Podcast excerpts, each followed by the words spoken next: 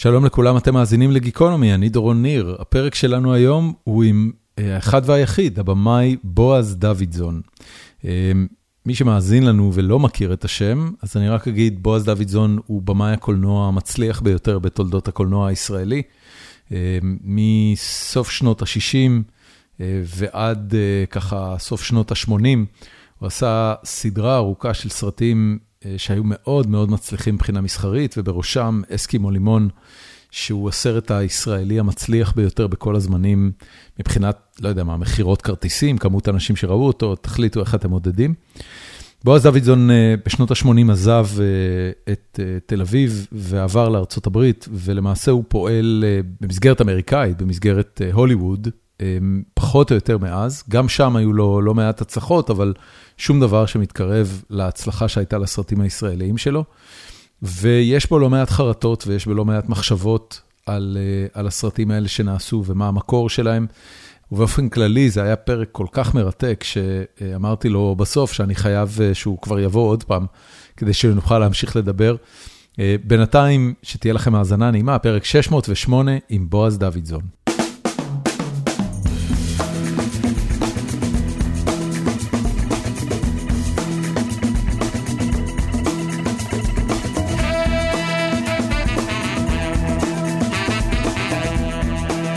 שלומי מצוין, אני שמח מאוד לדבר איתך. איפה אני תופס אותך? כל פעם שאני פוגש ישראלי חדש שאני לא מכיר, אני שמח. תודה. יש מלא ישראלים שאתה לא מכיר. אז כל פעם שאני פוגש אחד, אז אני שמח, כן. תגיד, אתה רואה, אתה רואה את מה שקורה עם ישראלים אה, במדיה ובקולנוע ובסדרות וכל זה בשנים האחרונות במיוחד, אה, פאודה, לא יודע מה, גלגדות, כל מיני דברים ש... לא, לא זכינו לראות עד היום. איך אתה, אתה מרגיש גאווה או החמצה? להפך, גאווה, גאווה בקנה מידה ענק. מה שתרם לזה בהרבה, יש, יש הבדל בין גל גדות לבין אה, פאודה, זה שני דברים שונים. אוקיי. אה, ההצלחה של פאודה, קודם כל, בוא נגיד, זה, זה סדרה מצוינת. כן, כן, ממש. אבל מה שהיה בארצות הברית היה חלק מה שאני קורא לעצלנות אמריקאית, שלא נתנו צ'אנס בכלל, לא רק לסרטים ישראלים, אבל לסרטים זרים. ל, ל, ל, אתה יודע, לתרגום בגוף הסרט, subtitle, זה לא משהו ש... כן, זה לא החליק ש... אצל אמריקאים. אין, כי אתה יודע, כל ההמצאות האמריקאיות נבעו מאיך לעשות את החיים יותר נוחים. נכון. ובשבילם לקרוא תרגום, מה זה, סקנדל, איזה בילוי זה, כן, סקנדל נורא. מי, ש, מי שגרם בהרבה לשינוי בתפיסה הזאת זה נטפליקס. אתה לא חושב שזה פשוט עניין של הדמוגרפיה האמריקאית, שיש היום הרבה יותר זרים אה, ממעמד בינוני גבוה בארצות הברית? זה, זה גם כן, אבל זה, זה בעיניי אלמנט משני. אני חושב שגם יש בגרות של המין האנושי, מה אני... כן, כן, כן. אבל, אבל בפועל נטפליקס היו הראשונים שהתחילו לעשות את זה בכמויות מסחריות. קנו סרטים מכל העולם, סדרות מכל העולם, התחילו לעשות, נתנו את זה גם עם אפשרות לצופה לראות ב dubbing לאנגלית או בשפת המקור. ו... וזה הצליח והקהל אוהב את זה ומקבל את זה יותר. פעם כן. לא יכולת כן. אז זהו. אז אתה מבסוט, בקיצור. אבל אני מאוד שמח, אני מאוד שמח, גם קראתי, ראיתי ששחקנית אחרת, איך קוראים לה? כן, הולכת לשחק עכשיו... שירה, שירה האס. כן, שירה האס הולכת לשחק את סברה במרוויל.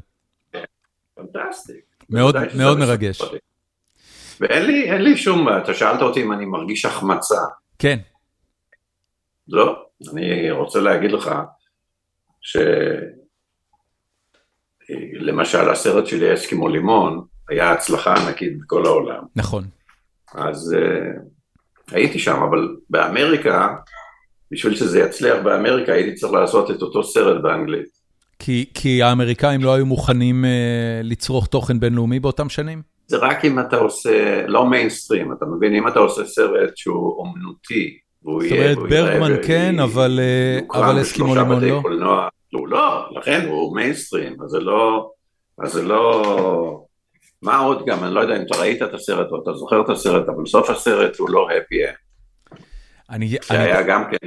אני תכף רוצה שהיה- לדבר איתך על זה, כי הייתי, הייתי, תקשיב, קודם כל, אני צריך פה גילוי נאות. אני לא חושב שיש איזשהו במאי אה, שגדלתי על הסרטים שלו יותר משלך, אני חושב שזה נכון לרוב הישראלים אה, בשנות ה-40 פלוס של חייהם. אה, מת, מתי אתה עזבת את הארץ? אגב, אתה יודע שאתה מדי פעם, אתה מדי פעם כופה, יש משהו לעשות נגד זה? תקשיב, הדבר היחידי שאני חושב שאני יכול לעשות, זה לסגור את המצלמה, ואז רק נשמע אחד את השני. אתה רוצה לנסות? לא, לא, לא כדאי. אז בוא נעזוב את זה ככה. אוקיי. אני אוריד את זה אחרי זה בעריכה. אמ, באיזה שנה אתה עזבת את ישראל? אני עזבתי בשנת, נדמה לי, 80 או 79 או 80. ואז כשעשית את אלכס חולה אהבה, בעצם חזרת כדי לעשות אותו ועזבת חזרה? כן, זה סיפור בפני עצמו. אוקיי. אני, אני, אני יכול לשאול אותך למה עזבת? שאלת המיליון דולר. אה, אני עד היום מתחבט בשאלה הזאת, אבל אני... הת- התשובה שבדרך כלל באה לי זה שהייתי לחוץ מדי. באמת? תראה, זה לא... יש אנשים שקל להם לעשות סרט ויש אנשים שקשה להם. היצירה אצלי באה מתוך... לא, לא בנחת, זה די בקשיים וב... באנגזייטיס וכל כל הדברים האלה. אז פתאום, פתאום נקלעתי למצב שהייתי צריך לעשות סרטים כמה פעמים בשנה, והלחץ הרגשתי שהוא נוראי, ואני באתי לאמריקה פשוט בשביל לנוח. למה נקלעת למצב הזה? אני, אני רגע רוצה לנתח אה, אוקיי, ש- ש- שנות ה-70 ואולי אה, סוף ה-60 עברו עליך בהצלחות מסחררות. עשית את אסקימו לימון שהוביל אחרי זה לארבעה או חמישה המשכים, אולי אפילו יותר כן, מזה. אבל לפני זה עשיתי סרטים כמו חגיגה בסנוקר. נכון, צ'רלי וחצי. צ'רלי וחצי, כל אלה. עילית והם היו- סרטי הבורקס. כן. והדבר הזה, הוא היה הצלחה מסחרית לאורך כל הדרך. למה היית צריך לעשות שלושה בשנה? כי הציעו לי. אוקיי. זה לא פריבילגיה? זה לא משהו שאתה פשוט יכול להגיד, לא, תודה, אני עושה רק אחד בשנה?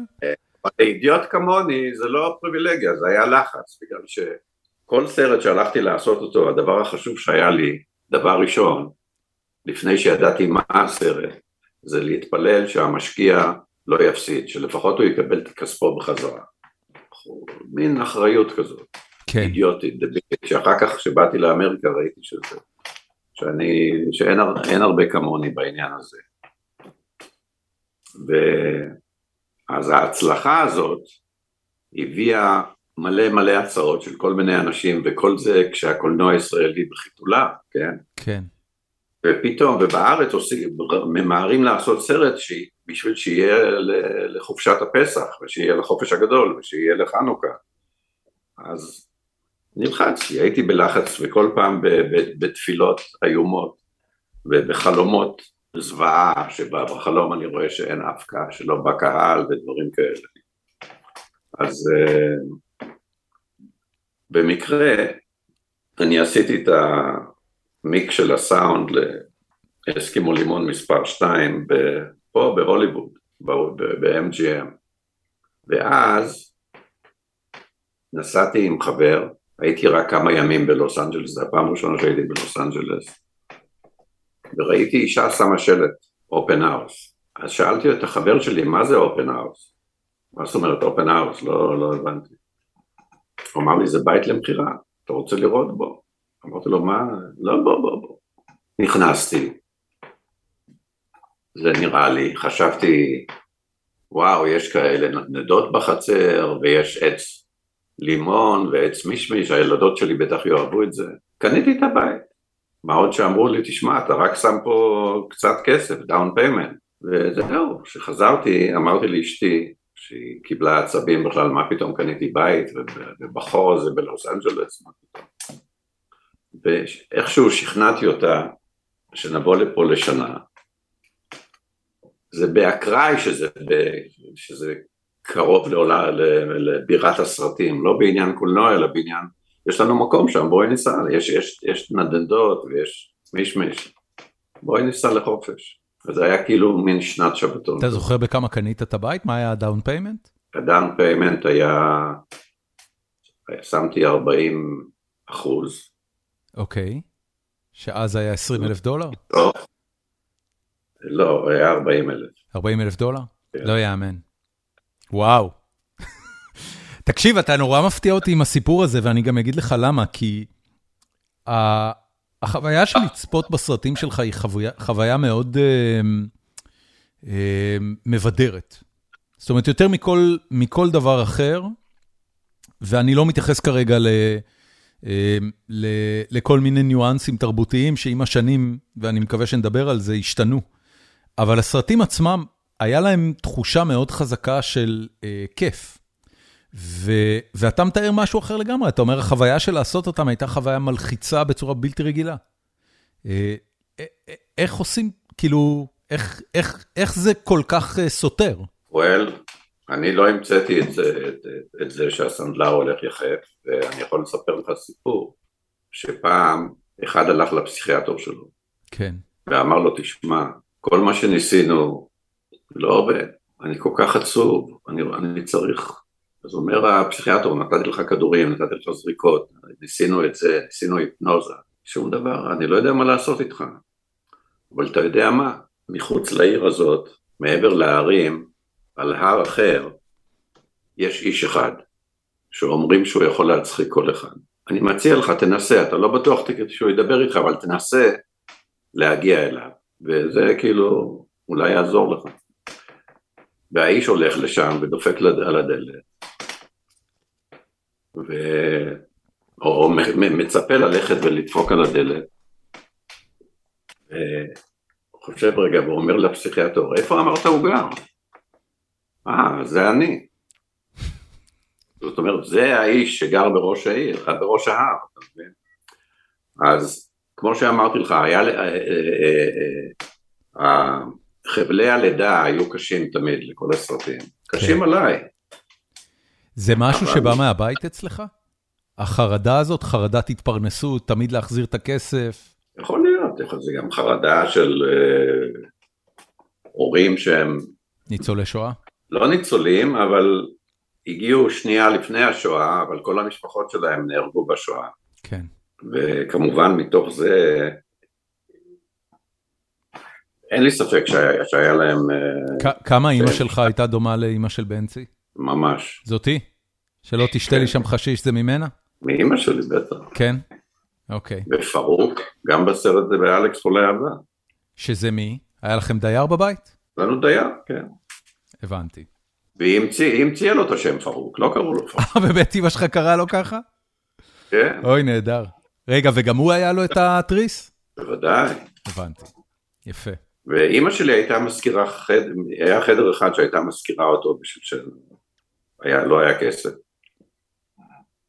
והיא מצאה דרך שהיא הייתה הולכת ללשכת התיירות, שזה היה לא רחוק מהבית שלנו, ליד הבית, והייתה מוצאת תיירים שמחפשים, זה היה נהוג אז, אתה יודע, הם רוצים לגור יותר בזול, גרים אצל משפחה. כן. ויום אחד בא הדייר הזה, והיא המציאה לו את השם פרוק. גדול. זה היה, כינוי, זה היה כינוי גנאי או שהיא כאילו כינוי חיבה? מאיפה זה הגיע? למעשה אה, אה, די חיבבנו אותו, או היא, או אנחנו, היא די חיבבה אותו, אבל כי הייתה נתנה לו גם כמה פריבילגיות, היא הרשתה לו לפעמים לשבת לאכול איתנו בשולחן, אבל, אבל בסך הכל הוא היה אזרח מדרגה שנייה. וואלה. בעיניה או בעיני כל מדינת ישראל אז? לא, לא, אולי בכל מדינת, אני לא יודע, אבל בגלל שהוא לא היה אשכנזי. כמובן. מאיפה הוא הגיע במקור? מפרס. זאת אומרת, הוא היה ממש פרסי, זה ממש דמות, אה, הוא גם היה לו את הדיבור, אחרי זה יוסף שילוח... אה, בטח, לא, יוסי שילוח ידע טוב מאוד לעשות פרסי, אבל, אבל האיש הזה היה ככה, זה, זה מה שהוא, אני לא זוכר את שמו האמיתי, כי לא השתמשנו בו יותר, רק בשם פרוק. היה איזה קטע ב... אתה יודע, אה, אה, יוסף שילוח, עוד, עוד לפני שהוא נפטר, דיבר הרבה על, ה, על, ה, על הסטיגמה שהוא במו ידיו יצר, בזכות הדמויות האלה. כן. היה לו איזשהו דיבור איתך על, על, על לתקן את זה, אולי לתת לדמויות שהוא שיחק איזה רגע של, של הירואיזם שיוציא אותה מה, מהנישה הגרוטסקית הזאת? היה קשה מאוד עם, עם במאי כמוני שאוהב לצחוק על הכל. זה לא שאני צחקתי על פרסים או צחקתי על זה, צחקתי. צחקת על כולם. על כולם, על עצמי, על אימא שלי, על אבא שלי, על חברים. כן. אבל זאת, זאת פשוט מציאות אמיתית. לפעמים בראי עקום כזה, אבל זאת מציאות אמיתית של אותו זמן, ש... זהו, אני לא יודע, ויוסי פעם אחת, כשעשינו את אלכס חולה אהבה, זה היה... 86, 85. 84. 84. אגב, אמרתי לך שאני אגיד לך, אז כשהגענו ללוס אנג'לס, ואני חשבתי שזה יהיה שבתון רגוע וזה, זה הפך להיות, מבחינת המשפחה הכל היה בסדר, ילדות הלכו לבית ספר, אבל אני פתאום חיפשתי את ישראל, לא את ישראל, את תל אביב, חיפשתי את תל אביב, ולא יכולתי להירגע, ולא יכולתי, שום דבר לא היה, וכל יום הפכתי באמת ליותר עצוב ויותר מדוכא ויותר זה. והתחלתי להעלות את זה בבית, נו אז נחזור, והגיע הזמן לחזור, ו... וזה לא התקבל בשמחה וששון. למה, למשפחה היה טוב בלוס אנג'לס? מאוד, אהבו את זה. אז, אה, אז כל העניין הזה של, של אה, אתה יודע, בשבילהם לעבור ממקום למקום, זה לא היה, לא רצו, אז אני אמרתי רק בתחבולה אני אצליח לחזור לארץ רק בתחבולה. אז כתבתי את התסריט הזה של אלכס חולה אבא, ותכננתי שכולנו נבוא לתקופת הצילומים, ואז אולי הם יכו שורשים שוב. וכך היה, באנו לארץ, וניסיתי שזאת תהיה הנחיתה הכי רכה שאי פעם הייתה. זאת אומרת, שכרנו בית מאוד מאוד נוח ויפה ביפו, והילדות הלכו אפילו כבר לבית ספר אמריקאי בארץ, שלא יהיה להם... ואז, אולי כמה ימים אחרי שהתחלתי את הצילומים, נו אבא, מתי אתה גומר את הסרט? אנחנו רוצים לנסוע הביתה. מתי חוזרים, מתי חוזרים, אז זהו, לא... יצא מזה סרט, אבל לא יצא מזה מה שרציתי שיצא. היה, היה סרט מאוד מצליח. כן, מצחיק, כן. מצחיק וגם נגע קצת ב... אתה יודע, יש ניצולת שואה שמגיעה אחרי... כן, כן, כן, קילפת שם כמה דברים שלא עשית באסקימו לימון. כן, נכון. אסקימו לימון זה היה יותר על ההורמונים ועל, ה... ועל הרומנטיקה ועל הסקס. באסקימו לימון השואה מודחקת לגמרי, זאת אומרת, הדבר היחידי שהיא באה לידי ביטוי זה אולי בחרדה ההורית, אבל... כן. אבל היא לא, היא לא נוכחת בשום מקום. ב, ב... זה, זה גם היה לא. עניין מבחינתך, שהרגשת שאפשר כבר לדבר על הדברים האלה ובשנות ה-70 אי אפשר היה? יכול להיות, יכול להיות שיש משהו במה שאתה אומר, אבל, אבל זה באמת נבע, זה היה שם בחרדה של האימא ובחרדה של הילד, של, של בנצי. כן. שהוא... תשמע, אימא שלי, החרדה הזאת שיגעה אותי. החרדה הזאת, וזה שאימא שלי הייתה בכל מקום, זה הגיע למצבים שזה היה פשוט מביך אותי. אתה יודע, ילד לא רוצה שאימא שלו תהיה בכל... ברור. תאר לעצמך, זה, והחשש שלה שמשהו יקרה לבן שלה, זה היה נורא ואיום. אז נגיד אה, בית הספר שלי היה מרחק של שלוש דקות מהבית, אז היא הייתה מתי שהיא כל פעם יוצאת לחנויות שהיא עושה את הקניות, היא עוברת שם, ובודקת שהכל בסדר, ובסדר זה כל מיני דברים. כן. בסדר, בסדר זה לא לשתות מים מהברז, ובסדר זה לא להיות בשמש. וואה. והיו לה כבר שיחות עם, ה... עם המורה להתעמלות שלי, כי היינו עושים שיעורי התעמלות על מגרש הכדורסל בחוץ. והוא, זה היה ברחוב פרישמן, ואימא שלי שם הייתה, כשהיה שיעור התעמלות, היה לה כבר שיחות עם המורה, אז היא הייתה באה, מסתכלת ופשוט צועקת למורה, אתה אומרת, אדון בני, בבקשה. בצל, שהילדים לא יעמדו בשמש. שאני, מה אכפת לה מהילדים? כן, וואו, או, או. אז היה שולח אותי לעמוד בצל, לצחוקם של הילדים ולמבוכתי הגדולה. anyway, איפה היינו? אה, אני חושב שסטינו. איך ממשפחה אשכנזית קפוצה כל כך יוצא במאי קולנוע? זה לא לופטגשפט? מה שייך, גם, גם פולנסקי בא ממשפחה פולנית. נכון. מה, מה שייך הפולניות למקצוע? תראה, אני, אני, קודם כל, אני, אני יכול רק לדבר מה, מהזווית ראייה שלי. אבא שלי אה, גדל במשפחה לא שונה דרמטית, גם אה, אשכנזים אה, ספק ניצולי שואה, הם לא היו במחנות ריכוז, אבל הם איכשהו הצליחו לחמוק מכל העניין הזה בבריחה לרוסיה וכל מיני כאלה. עלו לארץ. והילד זה מהנדס, רופא, עורך דין, יש סדרה ברורה של מקצועות שאליהם הילד מוסלל. במאי סרטים לא אחד מהם. אני מסכים איתך, זה היה לא מקובל בתקופה הזאת. וכמובן השבלונה הזאת של רופא, עורך דין, מהנדס, זה היה,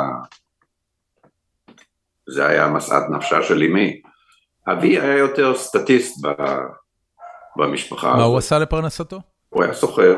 אוקיי. אז הוא הבין איך עושים כסף, הוא אמר העיקר שהילד יעשה כסף. כן, אבל הוא לא היה, הוא לא היה דומיננטי כמו, כמו אימא שלי. אימא שלי הייתה דומיננטית יותר בחיים שלי, כי היא, היא גם הסתכלה על אבא שלי העניין שאבא שלי סוחר, זה היה חצי עלבון. כן. הכלבים שלך יוצאים מדעתם ברקע. שומע את זה? בחייך, הם בקומה ראשונה. שומע היטב. לא משנה, בסדר. אוקיי. אז, אה, אז אבא שלי היה כזה נחבא אל הכלים, ואימא שלי הייתה הרבה יותר אה, אקטיבית בחיים שלי. מתי אמרת לה שאתה הולך לביים סרטים? אה, התעסקתי כאילו בתור חובבנות בקולנוע מאז שהייתי נער, אני חושב ככה. אוקיי. ואהבתי את זה מאוד וכל זה. איפה, איפה היה לך בתל אביב של שנות ה-60 להתעסק בקולנוע? כאילו, מה זה, רדפת אחרי, אה, אחרי אה, הפקות מקומיות?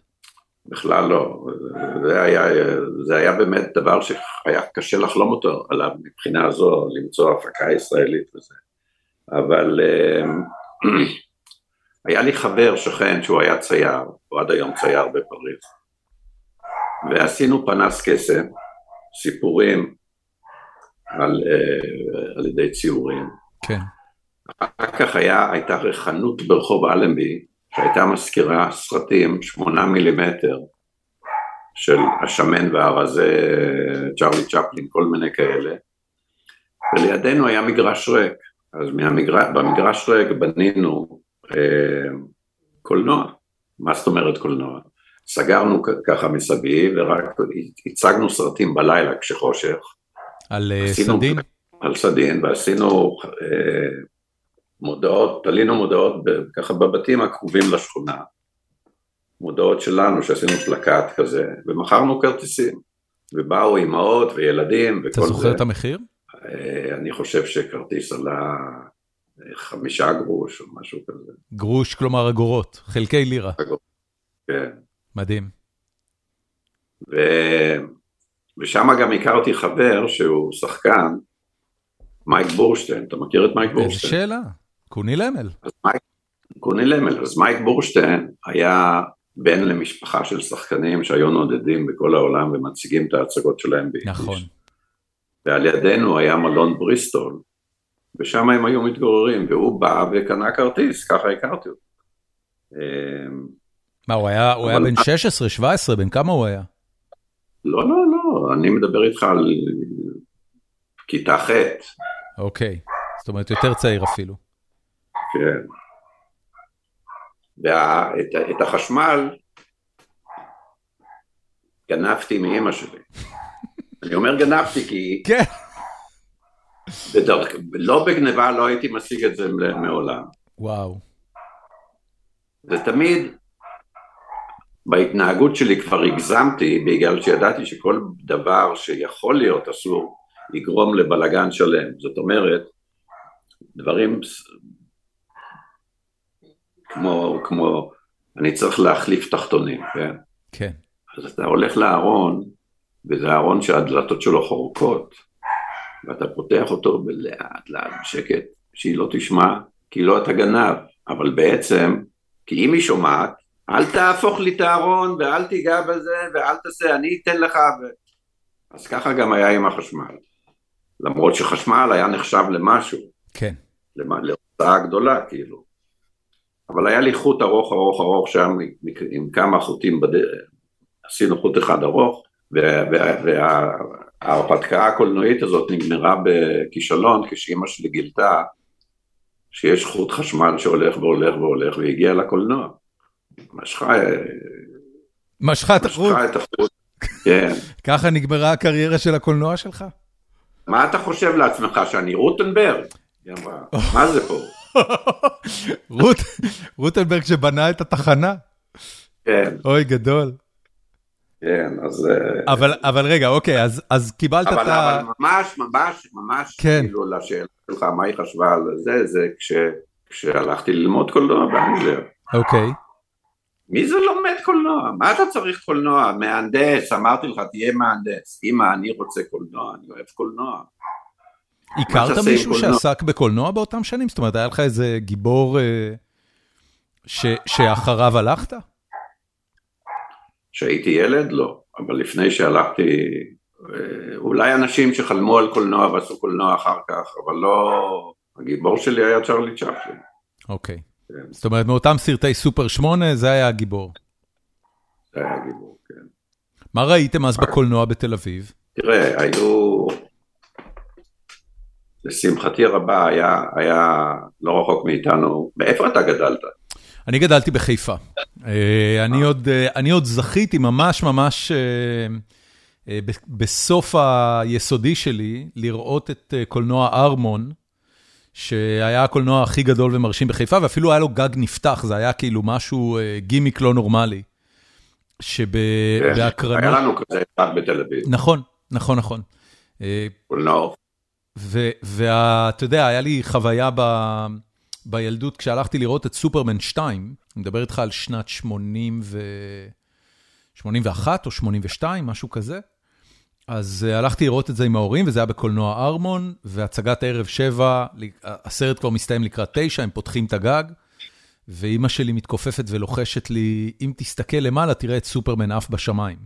ואני ילד בן עוד לא 10, אבל הייתי תקוע עם העיניים, אתה יודע, על השמיים, רק לראות אולי באמת משהו עף שם, אבל זה, זה חוויה מכוננת, אתה לא יכול לשכוח את זה כל החיים שלך.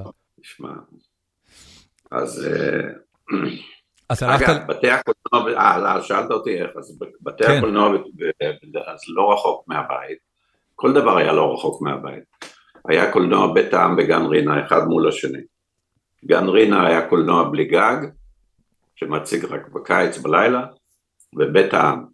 ומה שהיה טוב בבתי קולנוע האלה, שהם החליפו סרט כל שבוע. אוקיי. אז בעיקר אלה היו סרטי אקשן, מערבונים לרוב. ג'ון ויין. ו- כן, כל מיני, גרי קופר, ג'ון ויין. ו- וזה סרטים שאף בית קולנוע אחר לא רצה אותם. אז מת- הייתי- כמה שנים היית באנגליה? באנגליה שלוש שנים. ואז חזרת, אה, כמה זמן אחרי זה עשית את לול? ברגע שחזרתי. זה היה הדבר הראשון? אני לא זוכר אם לול או שבלול, מה היה קודם, אני לא זוכר. אני חושב שבלול היה הראשון. שבלול, הסרט היה לפני הטלוויזיה? כן. הבנתי. איך הגעת לזה? למה, לסרט? כן, לעבוד עם החבורה הזאת, זה לא... אם, אם בדיוק חזרת, הכרת אותם מראש? הכרת אותם לפני זה? הייתם חברים מתל אביב? קודם כל הכרנו, אבל לא הייתה עוד חבורה, החבורה נהייתה אחר כך. אחד, אוקיי. בוא נגיד זה היה ראשית החבורה, או ראשית, חבורה, חבורה בהתהוותה. אז, אז אה, מה בעצם היה הרעיון? אה, בואו, בואו ניקח כמה חבר'ה מוכשרים, נעשה איתם משהו שיהיה לשדר הרעיון היה בטלוויזיה?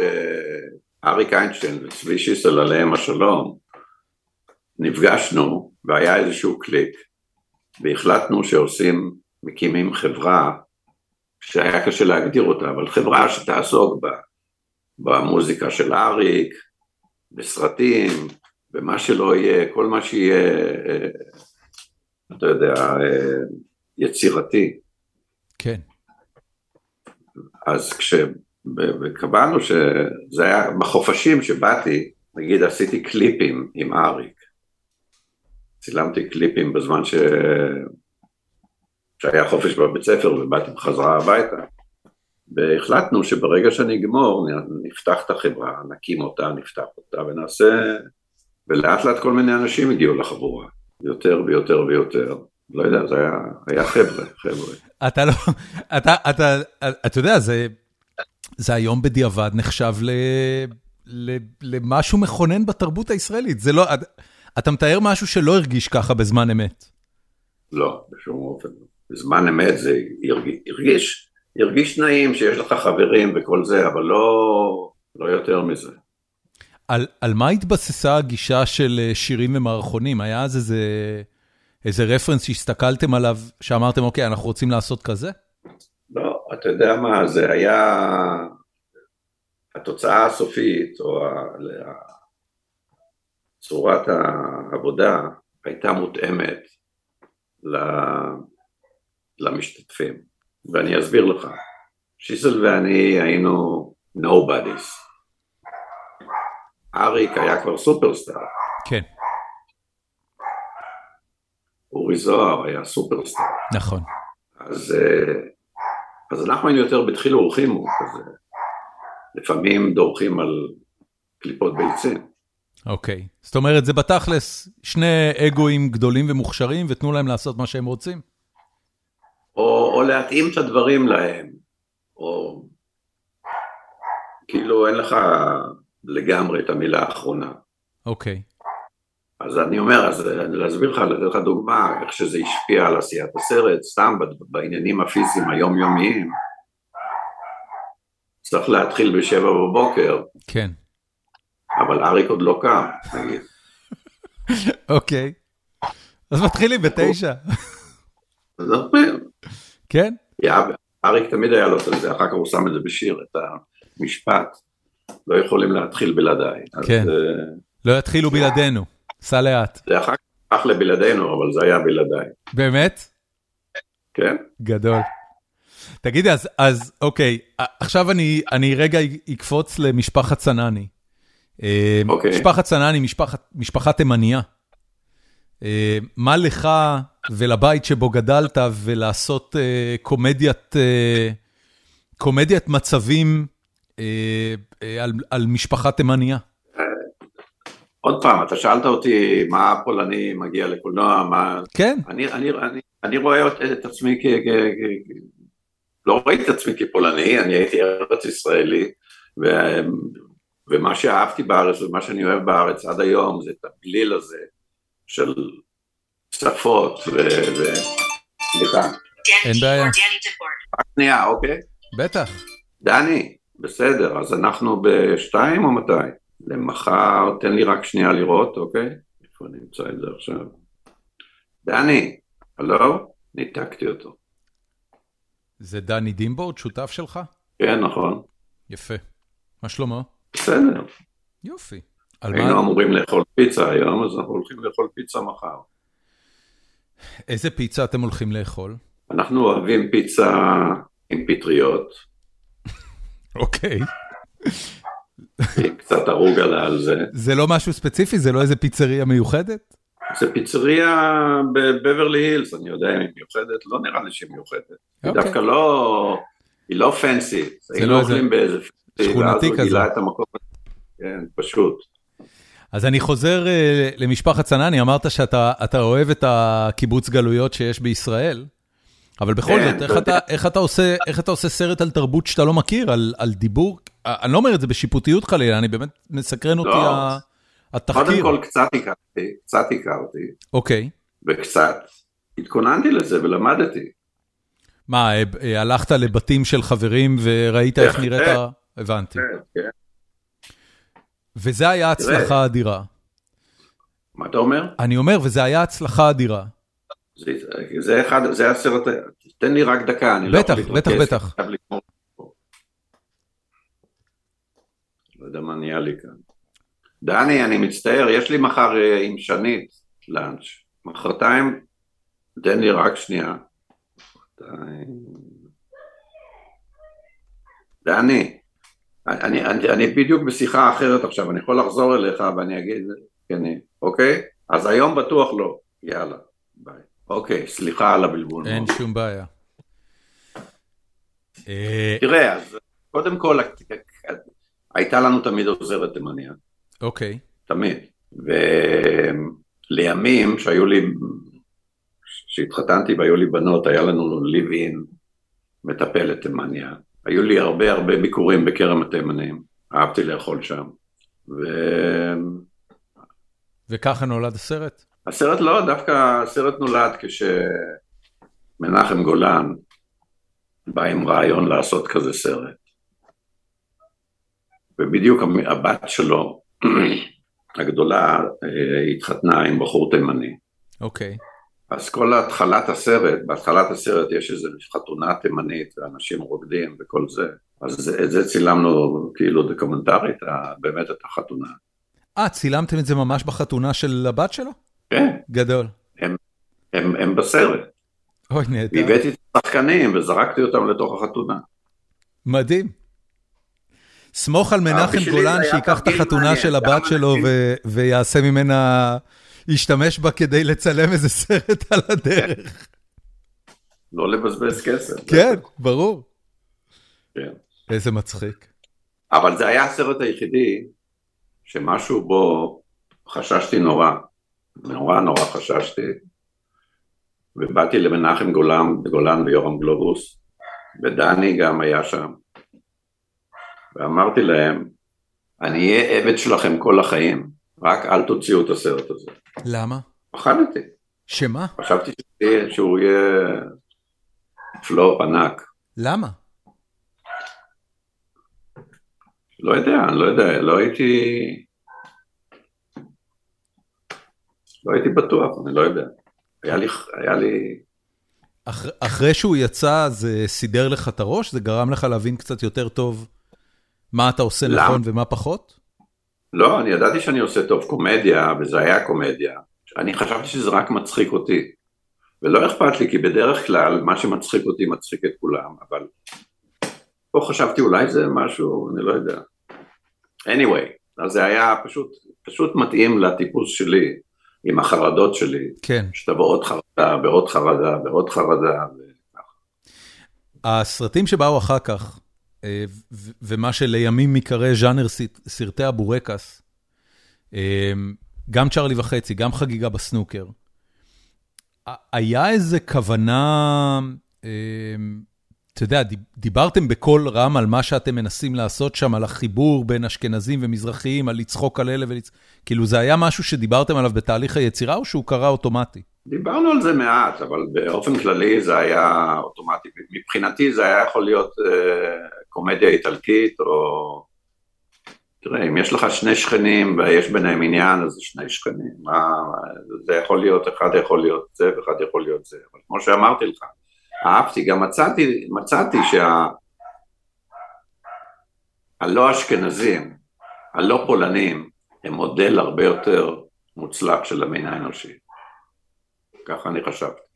כי, כי אתה בבית ראית את כל החרדות והסטרס, ובחוץ נראה... כל החרדות, כל הזה. עכשיו, אחותי, שהיא יותר מבוגרת ממני, היה לה חבר אה, מבין, מבני עדות המזרח. שלא לדבר שזה עשה מהפכה בבית.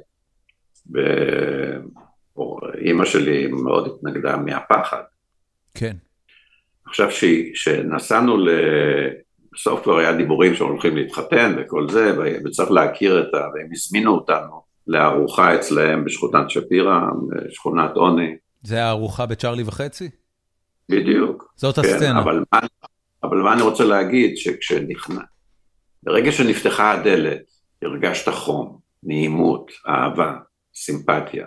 זה היה שולחן ארוך שהיה מורכב מכל מיני שולחנות, כל מיני כיסאות. ראית שאין כסף, אבל מה זה חשוב? במקום זה היה החום הזה, כן. שמחבק אותך ועוטף אותך. אתה יודע, גם כשהיינו מחפשים לוקיישנים, היום זה כבר, הדברים הם פחות פרטיזנים, אבל היינו הולכים ומחפשים, אה, נכנסים לאיזה חצר, ומחפשים לוקיישן לצילום. אם זה בצפון תל אביב, תמיד דקה, דקה, דקה וחצי, ואיזה גברת פומרנץ יוצאת למעלה מקומה שלישית. מה אתם עושים שם? בדיוק. כן. בשכונות, נגיד איפה שצילמנו את uh, צ'ארלי וחצי, uh, יצאו עם חיוך, הביאו לנו קפה, מי שרצה קיבל תה עם נאנה, כן. ועוגיות. זה מעורר הרבה קנאה, אני זוכר את זה אגב גם, גם בעצמי כש, כשגדלתי. כן. הסרטים האלה מייצרים הרבה, הם מייצרים הרבה חיבה ל, ל, ל, לבתים ש, שלא אני גדלתי בהם. זאת אומרת, זה ממש, זה ממש עשה את זה בתור ילד. בוא נדבר שנייה על, על אסקימו לימון, כי הסרטים האלה היו סרטים מאוד מצליחים, והם היו, אתה יודע, היה, היה בהם... לא היה בהם את דרגת החשיפה והאינטימיות וההתעסקות במין ומיניות שהיה באסקימו לימון. אה, אני, אני מסתכל היום במבט לאחור על הקולנוע הישראלי, אה, אסקימו לימון מהבחינה הזאת היה מהפכה לא נורמלית, גם בגלל היקף ההצלחה שלו, אבל גם בגלל איך שקולנוע ישראלי נראה מאותו רגע ואילך. אה, בעיקר בהתייחסות שלו למין, מיניות ועירום. ואני שואל את עצמי, קודם כל, כמה קשה היה לכם בכלל להגיע לעשות את הסרט הזה, בידיעה שזה הולך לעשות כזו מהפכה? ידעתי שזה יעשה כזאת מהפכה. ידעתי שזה, שאני הולך ואני חופר בתוך עצמי, ואני מרגיש כאילו אני צריך להיות ערום, אתה יודע, בשביל להגיד את האמת, לעשות את מה שבאמת, איך שזה קרה. עכשיו אני לא, נוסף על בינג, על, על זה שאני חבר, חברתי, חברתי אומרים? חרדתי. חרדתי, סליחה. נוסף על זה, אז אני גם ביישן מאוד. אז לעשות סרט כזה, זה גם עלה לי בדם. מי, מי, אה, מי הפיק? מי הביא את הכסף? אה, גולן גלובוס. הם הביאו את הכסף לאסקימו לימון הראשון? כן. והיה להם איזה הערות כשהם ראו את התסריט? כשהם ראו את הנושאים שבהם אתה מתעסק? אה, אנחנו התחלנו את הסרט, מנחם גולן לא היה בארץ, היה יורם גלובוס. הוא היה, היה לו קשר עם זה הדוק, בגלל שהוא פחות או יותר בן גילי, ועבר את אותן חוויות. של, של בית לחוץ ו, וניצולי שואה? ואהבת, אה, לא, כל הסיפור של בני הנעורים, של אוקיי. אהבה נכתבת וזה. מנחם חזר, אה, שהיינו, אני זוכר, צילמנו בבריכת גלי גיל את הסצנה של המנדבושקס, ופתאום מנחם, מנחם הגיע, וקרא לי הצידה ואמר לי, תשמע, רחל, שזה אשתו, קראה את התסריט, היא אומרת שזה פשוט פורנוגרפיה, איך אתה עושה דבר כזה? אמרתי לו, זה לא פורנוגרפיה, זה סיפור על החיים שלי, וזה אחד על אחד, זה אמיתי. אבל הוא היה, הוא היה נגד, אבל הוא היה מאוחר מדי נגד, ושמחתי שזה היה מאוחר מדי, כי אחרת לא היינו עושים את הסרט. וואו. אבל אני חושב שזה... אה, והוא גם בא אליי בטענות למה, למה נתתי את התפקיד ל... לענת עצמון. כי את מי הוא רצה בתפקיד הזה? לא יודע, אבל הוא לא נראתה לו. אבל זה, זה הכל בולשיט, זה הכל עניינים של אגו. כי באותה, באותו מעמד, חצי שעה אחרי זה, הוא דיבר איתה בצד והוא הציע לה תפקיד בסרט. הבנתי. אבל תשמע, היה קשה מאוד עם הסצנות המיניות האלה, היה לי קשה.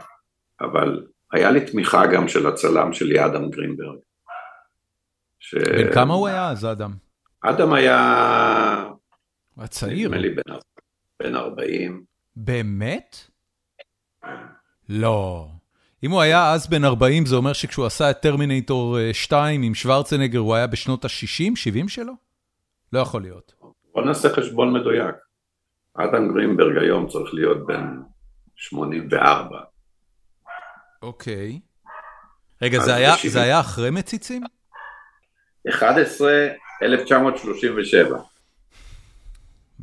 באתר EDB הישראלי מופיע שהוא נולד ב-39, מה שעושה אותו היום...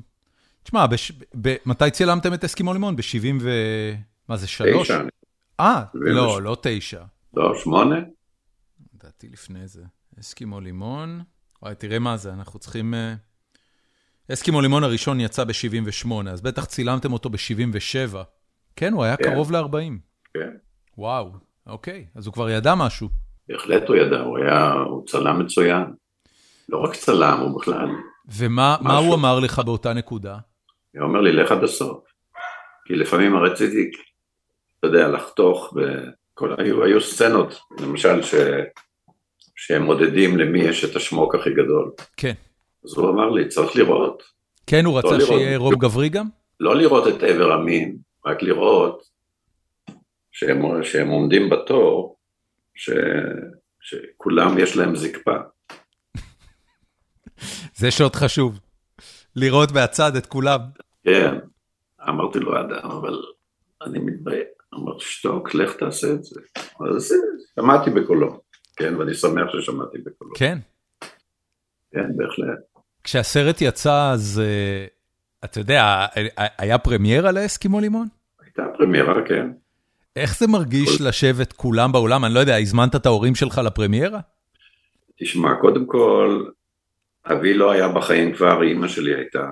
אימא שלי, תבין, כמו שאמרתי לך, אני בשבילה הייתי, היא שמרה עליי על כל צעד, אבל אני הייתי בשבילה, היא הייתה הסנגור הכי ענק.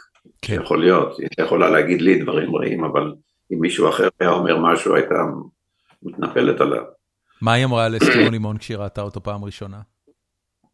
היא אמרה לי, איזה מין, אה, איך נראית האימא, זה לא אני. זה, לא, זה לא אני. זה דבר ראשון היה. אבל אחר כך היה לה תקרית בסופרמרקט. איזו אישה שם ש... שבטח נפגשים כל יום כשהם קונים בסופרמרקט. אמרה, תגידי גברת דוידזון, הבן שלך עשה את הפורנוגרפיה הזה, והיא ירקה ככה.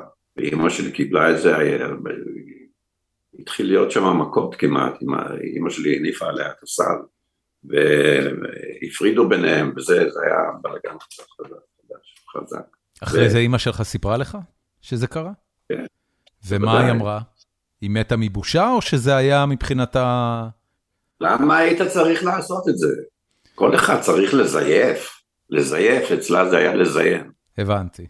לא בכוונה, אלא... כן, כן, כן, ברור, ברור, כן. כולם צריכים לזייף, מה זה פה? מה אמרת לה?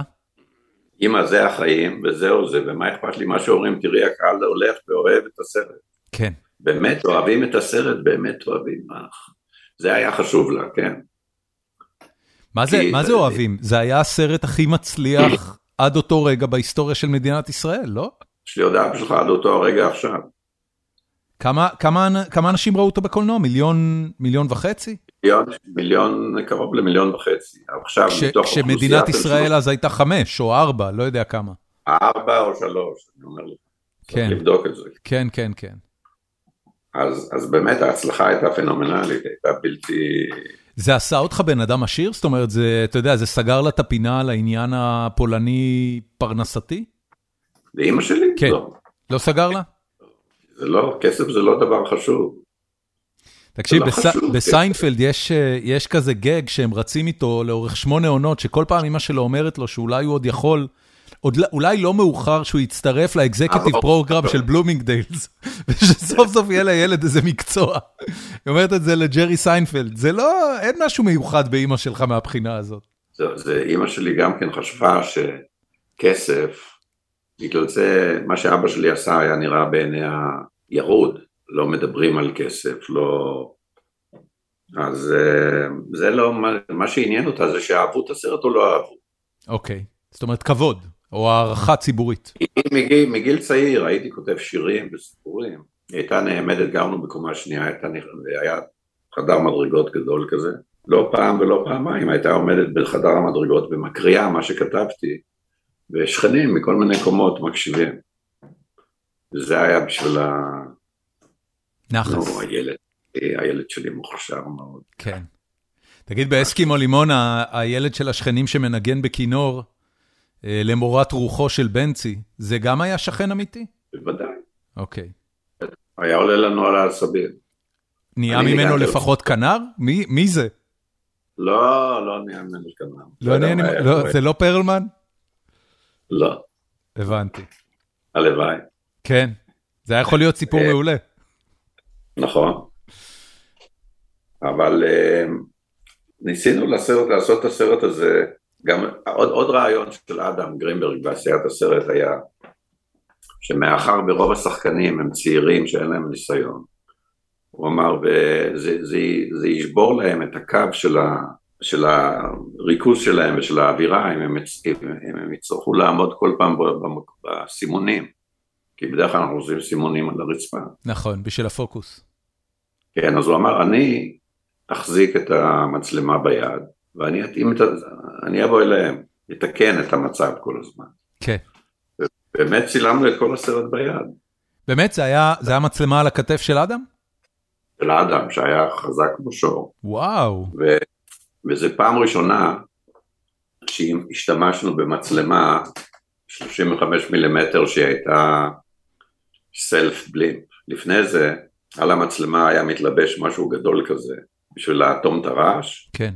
ואי, אפשר היה לצלם ביד עם, עם כל הדבר כזה. ועכשיו, ואז הגיעה מצלמה BL, קראו לה, אני זוכר, שהייתה המילה האחרונה, ויכולת לצלם איתה, אני חושב שהקסטה הייתה של 200 פיט. 200 ו... פיט, כמה, כמה דקות זה ב... בקולנוע? בקולנוע אה, דקה זה 100 פיט. אוקיי, אז היה לך שתי דקות. כן. וואו. זה...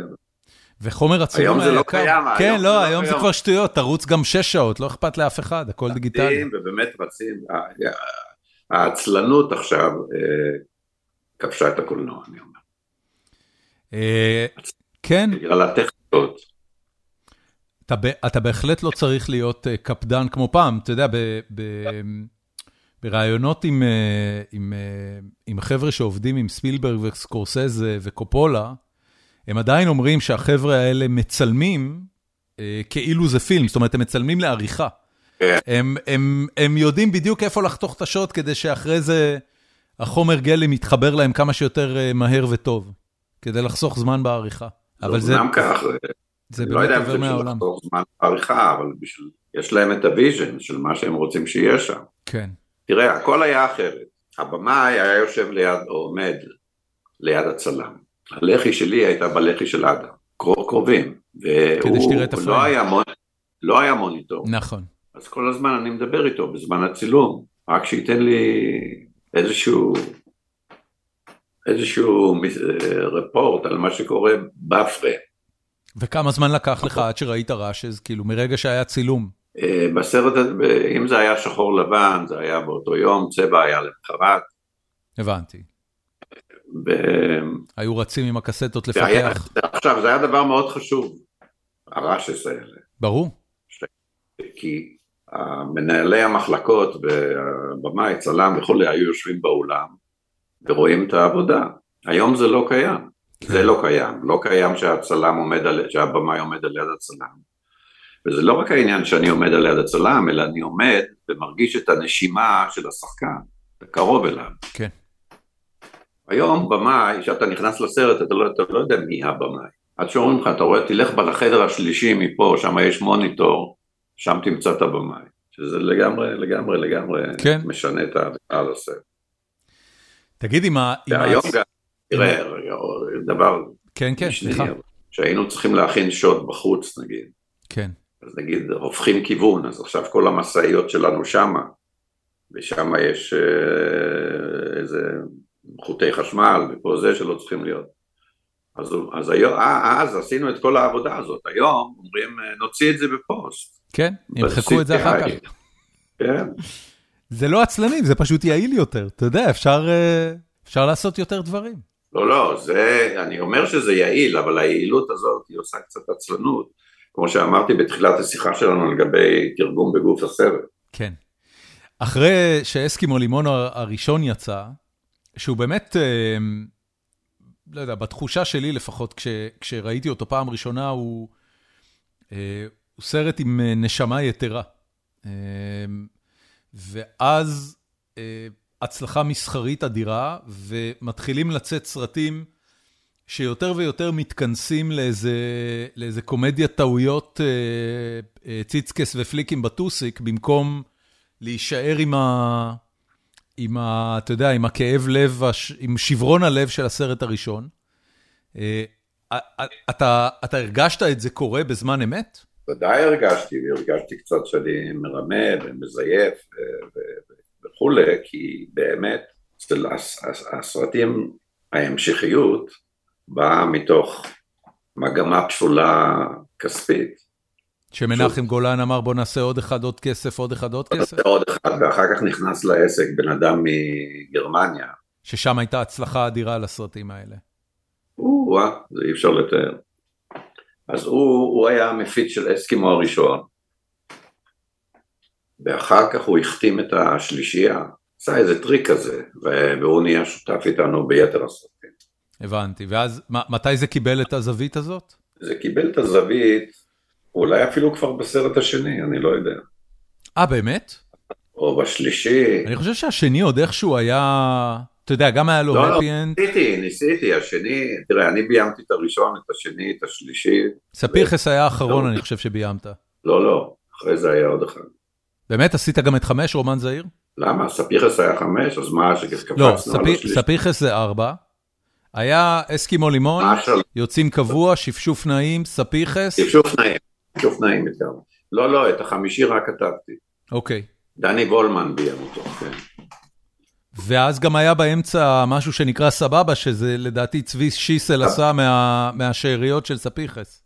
לא מהשאריות, אבל זה היה כמו... אותו לוקיישן. מה, בניתם בסיס והיה חבל לבזבז? אותו לוקיישן, אותו לוקיישן. וכן, זה היה סרט, אה, איך להגיד לך, זה נכון להגיד מהשאריות, כי זה גם מבחינת התסריט. כן. למרות שכתב, כן. אבל סך הכל אני חושב שהיו תשעה או עשרה סרטים בתוך כל ה... בתוך העולם של אסקימו לימון? כן. יש לך עוד לא קשר עם, אה, עם יונתן סגל, עם יפתח קצור? לפני לא מזמן דיברנו בזום, גם זה היה רעיון לאיזה עיתון. כן. לאן זה היה? אה, בטח ידיעות, מה זה יכול להיות? או מעריב או הארץ. לא כן. וביקשתי שהם יביאו גם את אה, דבורה קידר. אוקיי. וזה היה מקסים. איך זה לפגוש אותם? זה כמו שאתה פוגש, אתה יודע, בני משפחה, שלא כן. ראית הרבה זמן. וקצת אתה מרגיש אה, רגשות אשמה מסוימים. למה? כי באיזשהו מקום הסרט הזה הטביע את חותמו על כל אחד מהם, כל מי שהשתתף בסרט. זאת אומרת, זה, זה, זה רגע, זה מין היילייט כזה, שאני חושב ש... אני יודע, זה לא קרה להם עוד פעם כזה דבר. ובמשך השנים כל הזמן הם ביקשו שנעשה עוד פרק, עוד פעם, אתה יודע, עוד איזשהו הסכם או עוד משהו. תראה, היה סיפור גם עם זאתי, אה, ששיחקה את סטלה המגמרת. אופליה שטרל. שטרל? שטרל. כן. שטרל, כן. שטרל. שאני חשבתי שהיא עשתה תפקיד מצוין, ומאוד הערכתי אותה לאומץ שלה. כן, בטח בשנים ההם. אבל אחרי זה, נגיד אם היא הייתה באמריקה, בסדר גודל של הצלחה כזאת, אז היא הייתה מסודרת לכל החיים. כן. והיו מציעים לה עוד הצעות. פה לא, פה בארץ הסתכלו על זה כאילו משהו פסול. וזה, ולא העסיקו אותה אחרי זה? היא לא, היא לא הצליחה לה, להתפרנס כשחקנית בעקבות זה? בקושי לפי דעתי, בקושי. כן, זה, אתה יודע, אני, אני זוכר משנות ה-80 שכל השלישייה, אולי אה, למעט, אה, אה, למעט, צחי. למעט צחי נוי, יודלה, שהפך לגיבור ענק, ב, ב, סליחה, לכוכב ענק בגרמניה, ו, וגם, אתה יודע, רכב על זה במידה מסוימת לקריירה כן. די מוצלחת. הרבה אנשים יצאו מצולקים מהסיפור. כן. זה, זה, זה, זה כל כך מוזר. סרט כל כך מצליח ש... ש... אז אה, זה איזה מין, אה, אולי זה כמו שמישהו אה, נהיה הוקט על הרואין או משהו, איזה רגע, רגע נסגר שלא חוזר עוד פעם. כן. אתה חושב שחלק מהסיבה שבגללה עזבת את ישראל, מעבר לחרדה ולרצון להחזיר כסף, היה קשור ל... לכמה מצליח היה אסקימו לימון ואיך זה תייג אותך כבמאי? לא חושב, למרות שהיה לי לא נוח שהתחילו להכיר אותי, כן. כן. להכיר אותי, אני מתכוון לאנשים ברחוב, לזהות אותי. אבל אה, רק כשזה, התחלתי להבין אגב, גם זה קרה בסרט אה, אלכס חולה אהבה. תמיד הם ביקשו לעשות עוד. אתה יודע, גם אפילו יהודה ברקן, זיכרונו לברכה, וזאב רבע. הרבה פעמים דיברנו לעשות עוד חלק, עוד uh, משהו. כן. כשעשיתי באמריקה את, uh, את הגרסה האמריקאית של אסקימו לימון, שנקראת The Last American Virgin, אתה יודע, עוד פעם, צילמתי את זה עם אדם בלוס אנג'לס. כן. הרגשתי לא נוח פתאום. למה? כי אני, כי זה לא בא מאותו מקום טהור שבא הסרט הראשון. הסיפור הראשון בא מהלב, בא מהזיכרונות, בא מהדברים הכואבים ומה שעדיין כאן, והצלחתי איכשהו על ידי, על ידי עשיית הסרט לסגור איזשהו מעגל ומצאתי איזשהו שלום ושקט עם זה שצילמתי את הסרט בעוד, ככל שיכולתי באותו מקום ששם, באיפה ש... כן. במקום הפשע. כאילו. כן, כן, כן. חזרתי לבית הספר, חזרתי למונטנה, כל הדברים האלה, אז... אבל הרגשתי בסרט האמריקאי שהוא לא היה סרט נוסטלגי, היום הוא סרט נוסטלגי באמריקה. כן. הוא נחשב, היום הוא נחשב לסרט קלט באמריקה, ו... ו... כי עשיתי אותו שהוא קורה בזמן שעשיתי אותו, שזה שנות ה-80. אגב, לא דיברנו על המוזיקה בכלל, שהמוזיקה הייתה שם אלמנט מאוד מאוד חשוב.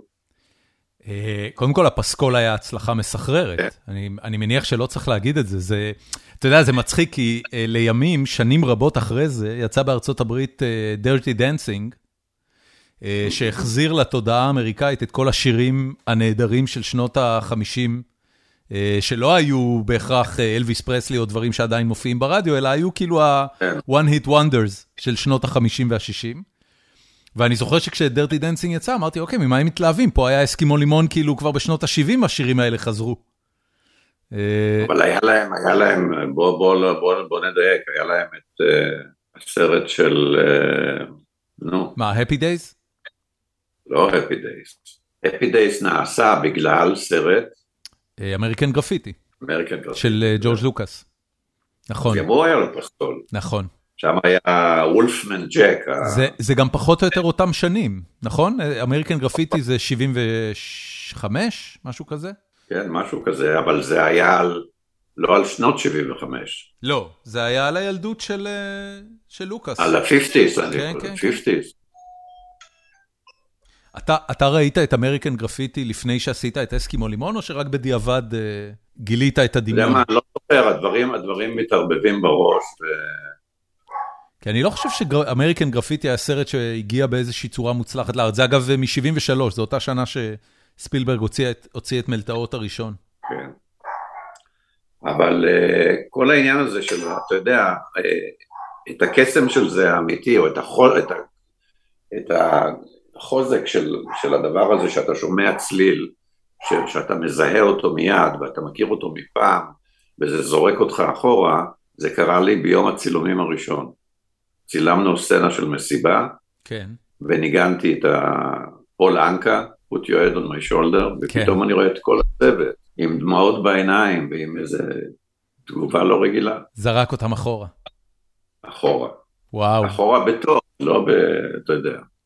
רומנטי. 78 הייתה, הייתה, הייתה שנה שכל העולם התרפק על העשור הזה, כי גם יצא גריז באותו זמן בארצות הברית, שהיה להיט נכון, ענק. נכון. מעניין מאוד. מה היה שם שהדליק את כולם על ה-50's? תראה, זה היה זמן אה, קסום, כאילו. כן? עם הזמן, הוא זמן קסום. הדור היה... הראשון של בומרים, של אנשים שנולדו אחרי מלחמת העולם כן. השנייה. מלחמה נגמרה, אמריקה הייתה בשגשוג. כן. כל השירים האלה, וזה זה היה, זה צעירים, נכון. ממש ילדים. כן. כל העולם חלם על אמריקה. בוא, בוא נדבר אוקיי, קצת על הקריירה שלך בארצות הברית. אוקיי. אמ, אז, אז חוץ מההבלחה של אה, לבוא לארץ לעשות את, אה, את אה, אלכס חולה אהבה, אתה משנות ה-80 חי כבר בארצות הברית. אה, עשיתם עשיתם לא מעט, אתה וחבורתך. לא. כן, עם אבי לרנר ודני דימבו. איך איך הוליווד התייחסה אליכם בשנים האלה? הוליווד אף פעם לא, התחס, לא, לא התייחסה אלינו כאל one of them. מה זה היה? crazy Jews? crazy Israelis? not crazy Jews, because Hollywood זה Jews. כן, אוקיי. אבל זה הישראלים, הרוד ישראליס. אוקיי. ותמיד הרגשנו, כמו משה רבנו, אנחנו רואים כבר את הארץ המובטחת, אבל לא, לא נכנסים פנימה. איך נראית הארץ המובטחת? זה הארץ שמקבלים באוסקרים? זה ארץ שמקבלים בה כמובן גם אוסקרים, אבל זה ארץ שמתייחסת, ש... שה... תראה, כל הסרטי הסטודיו האלה ש... שעושים אותם ועשו אותם בכל כך הרבה כסף, אנחנו לא היינו קרובים לשם בכלל, לא היינו... אבל אדם לא גרינברג כך... כן הצליח לחדור את, ה... את המסך הזה. אדם כן, האדם לגמרי. עשה את Ghost, עשה את Terminator 2, היה מועמד לאוסקר. זה מן הכלל ההצלחה שלו. גם, אה, אה, איך קוראים לו, המפיק? אה, ארנון מילצ'ן. נכון. זה לא היה נכון. מספיק כדי, כדי להכניס חבורת ישראלים לשערי ה studios? לא, אבל, אבל תשמע, יש הבדל בין ארנון לאדם. ארנון כמפיק, קודם כל יש את ארנון מילצ'ן כבן אדם, שהוא אחד מהאנשים הכי שרמנטיים שאני מכיר, מאוד שרמנטי. ונוסף על זה, יש לו מזוודה מלאה בכסף, אז זה עובד יוצא מן הכלל. וארנון בכלל תמיד היה עם מבט, לא היה לו שום רגשי נחיתות מול... אה, אה, אתה יודע, ארנון נהיה חבר של נס של... אה, עכשיו הוא מפורסם על החברות שלו עם ביבי וזה, אבל הוא היה... היה, היה הוא היה נהיה חבר לראשי ממשלה, לנשיאים, לסופרסטארים, אז הוא בא ממקום אחר שאף אחד מאיתנו לא היה בנוי ככה. אוקיי. הוא היה ממשפחה אריסטוקרטית, אריסטוקרטית בארץ. אבל אני מדבר על העשייה, העשייה היום-יום, אתה צריך לעשות סרט. למשל, כשעשינו סרט ויצאנו למכור אותו, אז היינו עושים מודעות, אתה יודע, בימים ההם העיתונים ורייטי והוליווד ריפורטר, לקראת פסטיבל כאן, לקראת uh, טורונטו, בניס, אז היו יוצאים מהדורות של מאות עמודים, הכל היה מודעות של סרטים חדשים. ומנחם גולן היה אוהב לשים מודעות של סרטים שמי יודע אם הוא יעשה, או מי יודע אם יהיה לו את הקאסט הזה, והולך לשוק ורואה מה נמכר, ואז עושים את הסרט, אתה מבין? וואו. שזה היה מאוד, מאוד לא קלאסי. כן. ואני אומר, זה היה קלאש ביטווין הקלאסי והמחוספס. אתה זוכר איזשהו סרט שבעקבות מודעה פיקטיבית כזאת אה, זכה להיעשות? ודאי, אה, מכרות המלך שלמה למשל. אוקיי. אה, תואם אינדיאנה ג'ונס עם ריצ'רד צ'מברליין. כן, כן, כן, כן. היו סרטים, כן, אז היו כאלה, אבל זה לא נראה בעין יפה בעיני הוליווד, הדברים האלה. כן, זה לגמרי חוצפה ישראלית. ופעם היה איזה תביעה גם, שהיה השם של דסטין הופמן, אני חושב, על מודעה שהוא לא ידע שהוא בסרט הזה. כי הסרט לא היה קיים. כן, ובוא אני אגיד לך, קנון, החברה שלהם, קנון, כן. נקנתה על ידי מנחם ויורם ממישהו בניו יורק, היא הייתה חברה ניו יורקית, ומנחם מיד התלבש על, ה... על הספרייה שלהם. ובספרייה, בתוך האבק וקורי העכביש, הוא מצא סרט אחד עם, עם אה, רוברט דנרו. אוקיי. כשהוא עוד לא היה מפורסם, עכשיו הוא כבר היה מפורסם, כן? כן. עכשיו ראינו את הסרט, לא ראית שעמום כזה בחיים שלך. אתה זוכר את שם הסרט? אני חייב למצוא את זה, חייב. אוקיי. ובסרט, לא מבין אפילו על מה הסרט, סרט פסיכולוגי, משהו, פלסף, אתה לא יוצא מזה.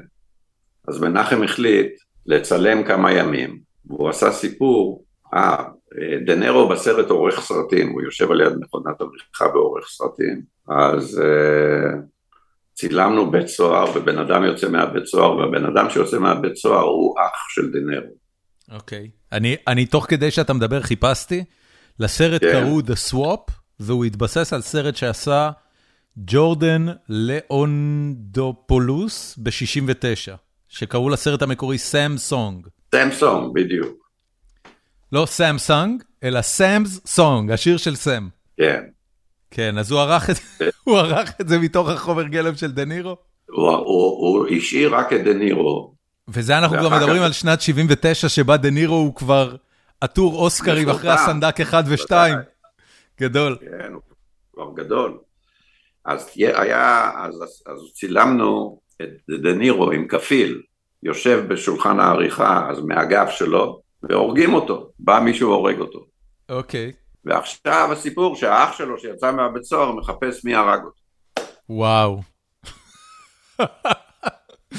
שזה לא שמע ולא שמעו על דבר כזה בהוליווד. רגע, ויצאתם עם הסרט הזה עם דה נירו על הפוסטר. כן, בוודאי, זה נמכר כמו אש. איזה פרחח המנחם גולן הזה. כן. וואו. תגיד, תגיד לי, ב... אני הכרתי, דרך אגב, אני הכרתי את דה נירו דרך ארנון מילצ'ן כמובן. אוקיי. הוא היה חבר מאוד קרוב. אה, דה נירו עשה תפקיד קטן בברזיל, שהיה אחד הפיאסקוז של, אה, של מילצ'ן. כן, אבל... אתה רוצה שאני אספר לך סיפור על ארנון מילצ'ן ו... מאוד רוצה. אני רק רוצה okay. אוקיי. שתספר לי סיפור. אוקיי. Okay. ארנון מילצ'ן רצה, כמו שאמרתי לך, הוא אוהב אנשים מפורסמים והוא יודע איך להגיע אליהם. כן. היינו חברים בארץ, כמה חברים, כמו שהיה קשר בינינו, אסי דיין, ארנון ואני. היה לנו קשר. משה דיין הוציא ספר על uh, תולדות חייו, ספר אוטוביוגרפי.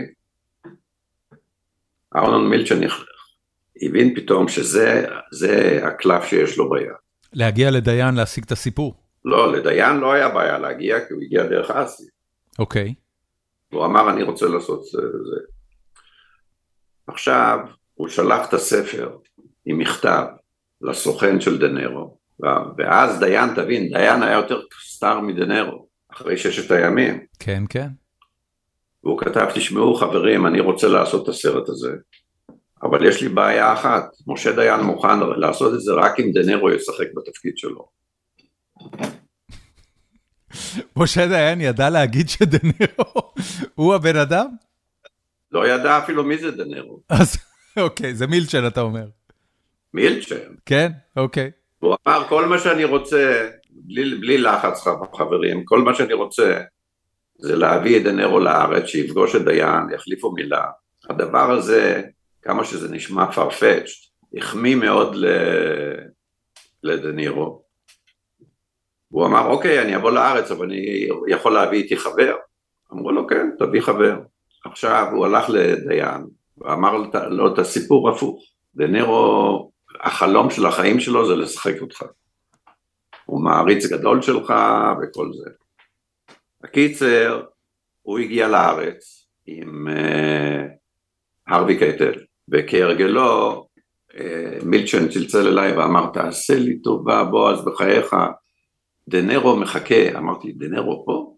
כן, הוא, הוא בתל אביב הקטנה, יושב עם הרווי קייטל, לך עם אשתך ותתחיל לדבר איתו עד שאני אגיע, לא נעים לי, או הייתי, הייתי כבר צריך להיות שם, שזה גם תרגיל של ארנון.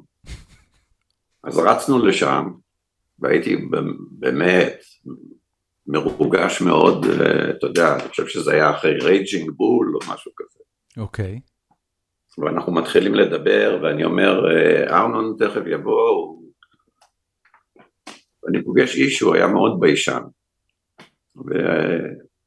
והיה מאוד נחמד והיה מאוד...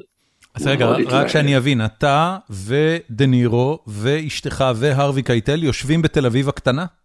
ומחכים שמשה דיין יגיע?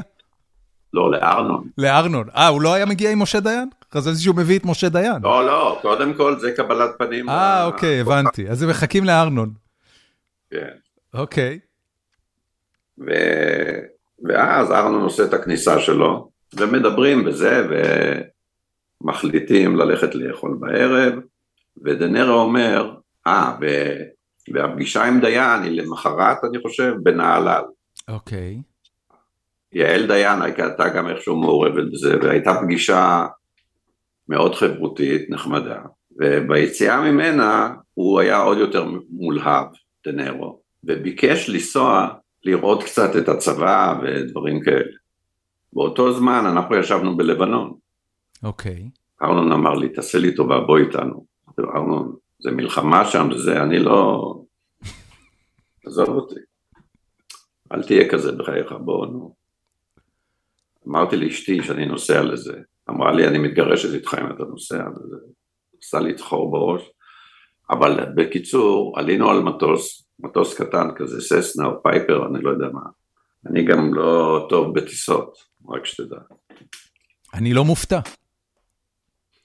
וטסנו, והיה איתנו קצין מדובר צה"ל. רגע, אז תן לי, תן לי לדמיין את הטיסה הזאת, מטוס קטן, טס בקושי, אתה יושב צפוף. בפנים, והרווי קייטל ורוברט דה נירו וארנון מילצ'ן היה על הטיסה הזאת? כן. אוקיי, ו- ויש עוד טייס ונציג של דובר צה"ל. טייס ונציג של דובר צה"ל שהוא מארח שלנו בשטח. ולאן אתם טסים? אתם טסים מעבר לגבול, לתוך לבנון? היי, הלכנו לפגוש את, אה, איך קראו לו, גנרל... אה, לא את שרון. לא, לא, לא ישראלי. אוקיי. ערבי. אוקיי, מה, אה, מייג'ור חדד? חדד, פגשנו אותו, כן. הלכתם לפגוש את המייג'ור חדד שהיה מפקד צבא דרום לבנון. בוודאי, פגשנו אותו. או-אה, אוקיי. ובכלל, כשהגענו לשם זה פחד מוות, כי אתה... כן, זה אזור מלחמה, מה זה פחד מה ברור? אזור מלחמה, כן. משאיות, טנקים, אני לא, לא יודע, זה שלנו, זה שלהם, של מי. וואו. התפללתי שהזמן יעבור, וגם הם מאוד אה, הפחידו אותי, כי היית צריך למלא טופס כזה, שאם אתה מת זה לא אחריותם, ולאן להביא את הגווייה, וכל מיני דברים כאלה. ואיך דה נירו והרווי קייטל מתמודדים עם, ה... עם הסטרס הזה? הרווי לא היה מת על זה, הוא אהב את זה מאוד. ואז היה כמובן אה, אימת, ה... אימת האזור, היה בופור. כן. והוא כל הזמן אומר לנו, הוא רוצה לראות את הבופור. עכשיו אני אומר לך פה משהו לא לפרסום, כי אני לא רוצה שהוא יעלה. מה זה לא לפרסום? זה מוקלט. אל תגיד, הכל מוקלט. מוקלט, אבל אתה לא חייב לפרסם את זה. נו, אבל מה זה שווה אם אתה אומר... זה פרק של פודקאסט. אני מספר לך באופן אישי. אל תספר לי באופן אישי, תספר מה שאתה יכול לספר שכולם ישמעו. אוקיי, אז הוא רצה מאוד לראות את הבופור, ואני פחדתי מזה שהוא יראה את הבופור. הבנתי. בצדק. הוא ראה בסוף את הבופור? אז אתה רואה את ה... הוא ראה את הבופור. יש לי, יש לי צילום גם שכולנו שם. וואו. מטורף. כמה זמן, כמה זמן הייתם ב, ב, ב, בתוך לבנון? לא, ממוקדם בבוקר עד מאוחר בלילה. ואז חזרתם הביתה? חזרנו הביתה. ומה נגמר עם הסרט? לא היה בסוף סרט של דה נירו עם, על משה דיין. לא, היה סרט, אבל נהייתה חברות. כן. בין ארנון ו... ודה נירו. ויצא הסרט עם ג'רי לואיס, אתה זוכר היה סרט? The King of Comedy. כן. זה גם סקורסזה. באיזה שנה זה יצא? אמ, אני מניח שזה King of Comedy, 82, אותה שנה. אז זהו, זה, זה, אז רגע, King of Comedy זה מילצ'ן הפיק? באמת? הוא שם כסף, אני לא יודע אם השם שלו שם, תסתכל. איזה קטע, רגע, תן לי לראות. כן, ארנון מילצ'ן הפיק. אז מזה נהייתה החברות. הוא היה אמור, קודם כל דיברו איתו לשים כסף על הסרט של צ'מינו. צ'מינו היה בסרט, לא, אחרי צייד הצבאים. אה, אוקיי. שהיה פלופ ענקי, Gate. אוקיי. לא יודע, וזה התגלגל ל King of Comedy, והם נהיו חברים אדוקים. אני מאוד אהבתי את King of Comedy.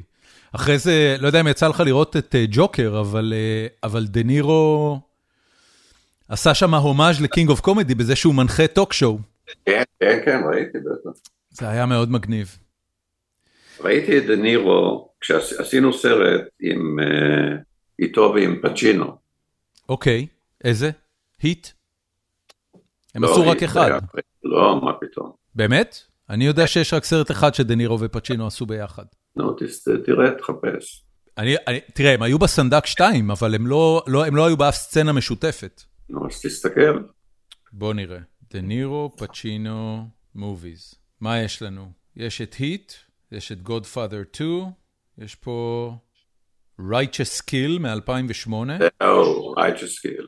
אוקיי. זה כבר אחרי היט. היית היה ב-95. במאי אדם אבנט. נכון, ג'ון אבנט הוא מופיע, הוא לא מופיע. ג'ון אבנט, כן. אז מה היה שם? שם, לא, שם, העלינו זכרו, הראיתי לו את התמונה הזאת. אתה היית מעורב ב-Righteous Kill? כן. אוקיי. אני לא יודע. אם השם שלי שם או לא, אני לא יודע. מה עשית שם? היית executive producer? הייתי כמו מה שאני עושה כל היום. כן, אתה מקבל פה קרדיט. Produced by אבי לרנר, בועז דוידזון, דניאל רוזנברג, וואי, מלא מפיקים. רנדל אמט, רוב כהן. אז מה היה בסרט ההוא? הראת לו את התמונה ו... הוא מאוד התרגש והראה את זה לאשתו וכל זה, אבל לא גיליתי לו מה שלא גיליתי לך. אוקיי. אתה תגלה לי אחרי שאנחנו נסיים את ההקלטה. כן. רק בשביל שזה. אתה יודע, אני, אמ, אתה מכיר... אה, השעה כבר. השעה עכשיו 2 ו-40, יש לי עוד 20 דקות איתך, אם תסכים. אוקיי. טוב לך עוד 20 דקות? אני יכול כן, להמשיך כן. אגב עוד שעתיים, רק שתדע, אני נהנה כמו שלא נהניתי מלא זמן. או, אני שמח שאתה נהנה. באמת, אני כל כך נהנה. אמ, יש אה, מבקר קולנוע ישראלי שאני מאוד אוהב, בשם יאיר רווה, ושאלתי אותו לפני, אה, לפני הפרק, אה, מה כדאי לי לשאול אותך? אז, okay. אוקיי. אז הוא שאל אותי, קודם כל השאלה הראשונה שהוא ירה בלי למצמץ אפילו, זה למה אתה לא חוזר לארץ? אוקיי. Okay. למה אתה לא חוזר לארץ? אתה שואל אותי כשאלה עכשיו, כן, כן. לי מה הוא שאל? לא, אני שואל. למה אני לא חוזר לארץ? בהתחלה לא יכולתי לחזור לארץ בגלל המשפחה. וגם, כן. תשמע, זה, זה הכל כל מיני דברים, זה כמו חלה, זה... המשפחה רצתה להיות כאן, אני, כשהייתי בערך ב... בשנות ה-40 שלי, פתאום היה לי דדן, פתאום הבנתי משהו, שיום אחד שישבנו אשתי ואני, ואז עוד היו אלבומים עם תמונות, אתה יודע, שמסדרים. כן. הסתכלתי וראיתי שאני לא פה בכלל, אני לא, לא, אני לא באלבום הזה. זאת אומרת שחיים שלמים לא הייתי נוכח שם, ו...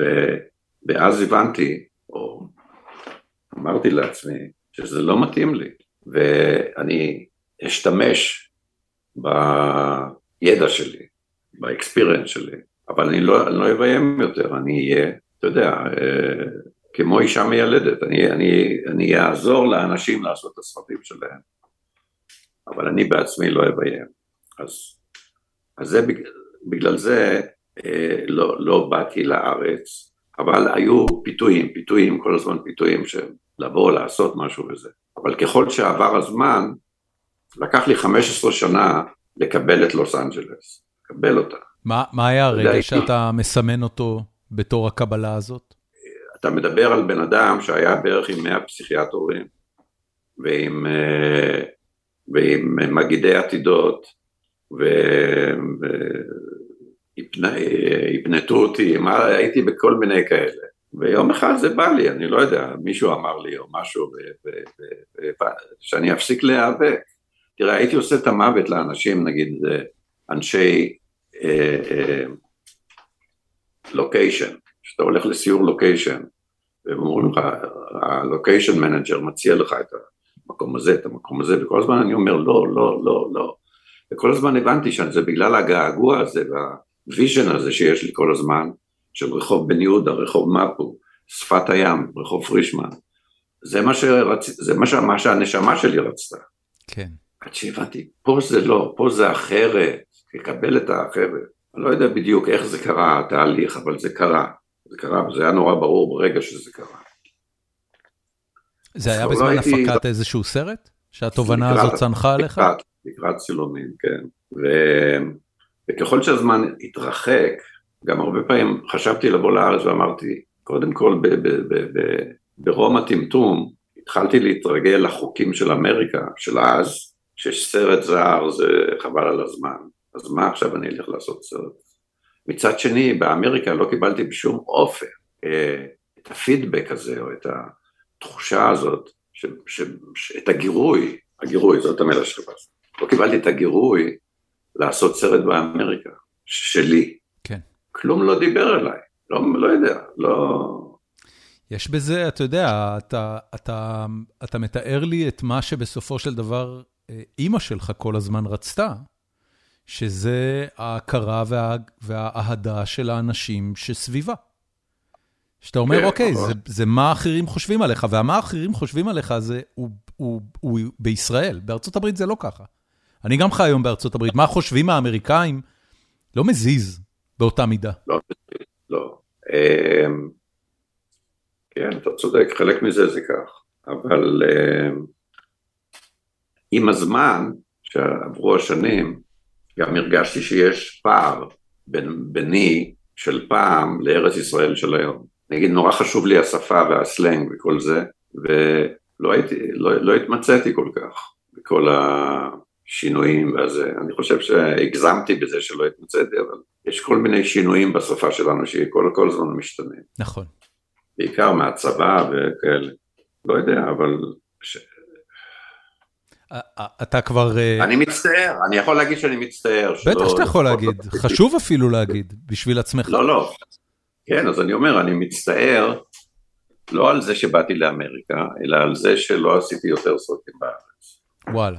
כן, כי, כי אפילו אם היה יוצא מזה עוד, נגיד הייתי עושה עשרה סרטים עוד בארץ, או חמישה, אני לא יודע, ולפחות אחד מהם היה יוצא עוד אחד כמו אסקימו, כמו סנוקר, אז, אז הייתי מבסוט. כן. לגמרי.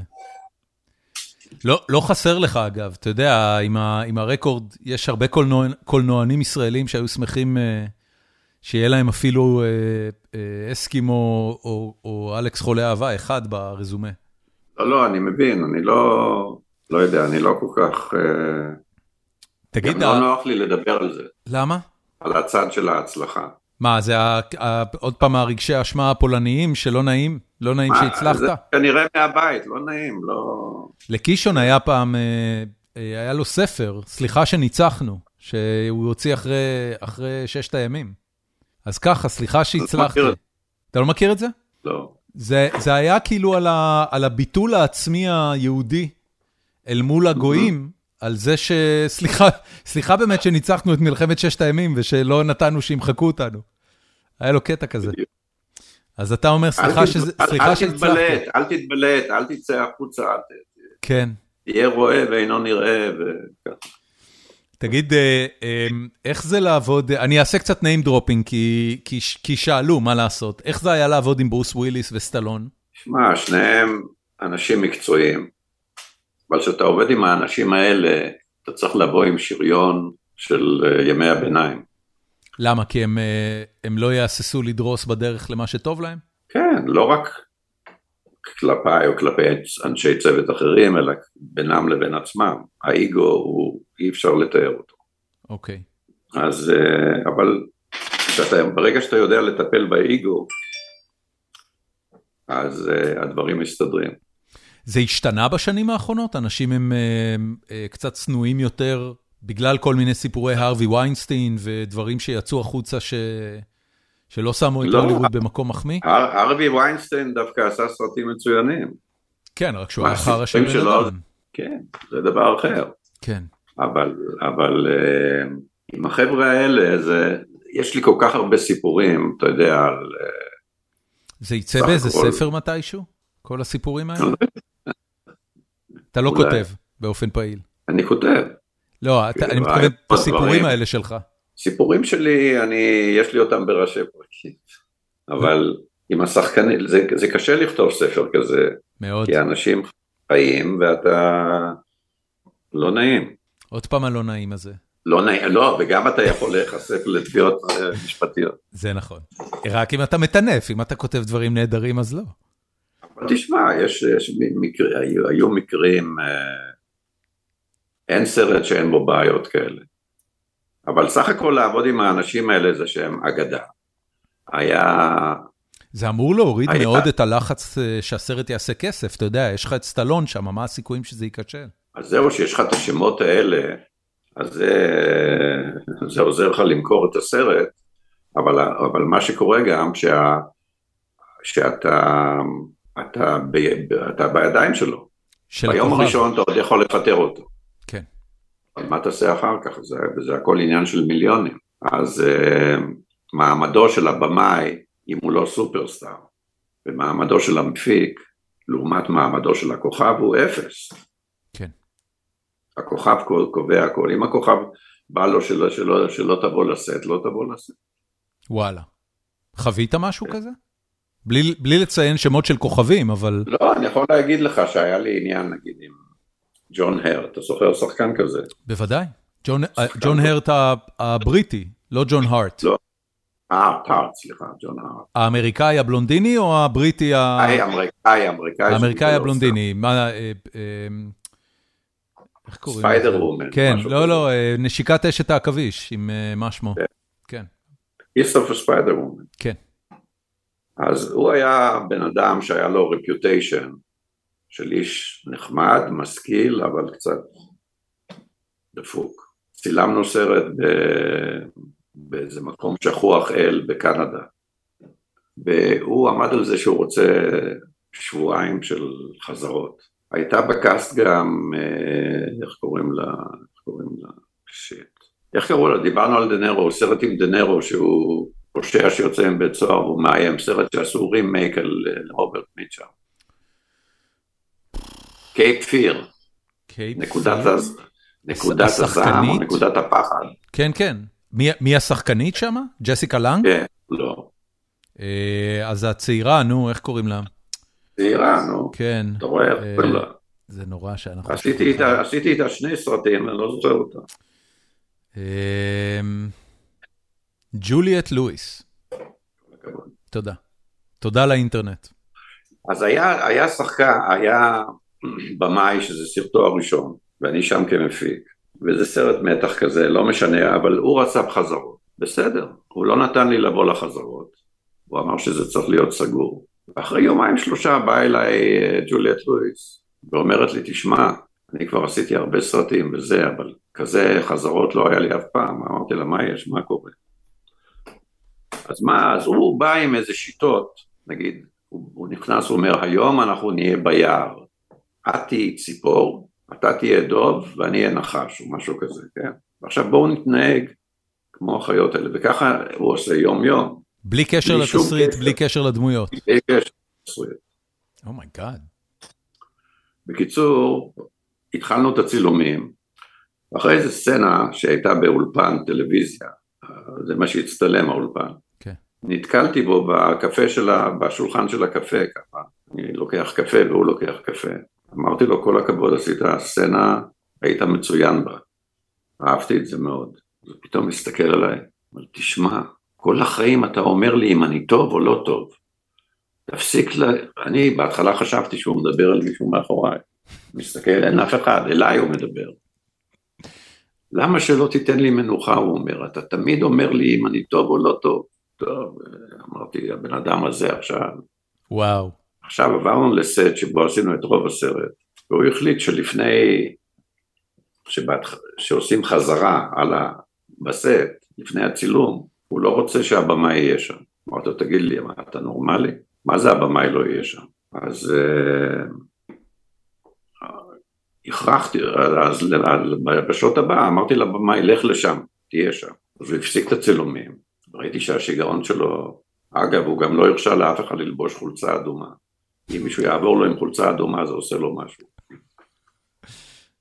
הפסיק את הצילומים, אני בא לסט, הוא אומר, אני לא יכול לעבוד בצורה כזאת, אמרתי לך שאתה שיקרת לי, אמרתי לך שאני לא אמרת, אתה אמרת, אני לא אמרתי לך, לא הבטחתי לך כלום.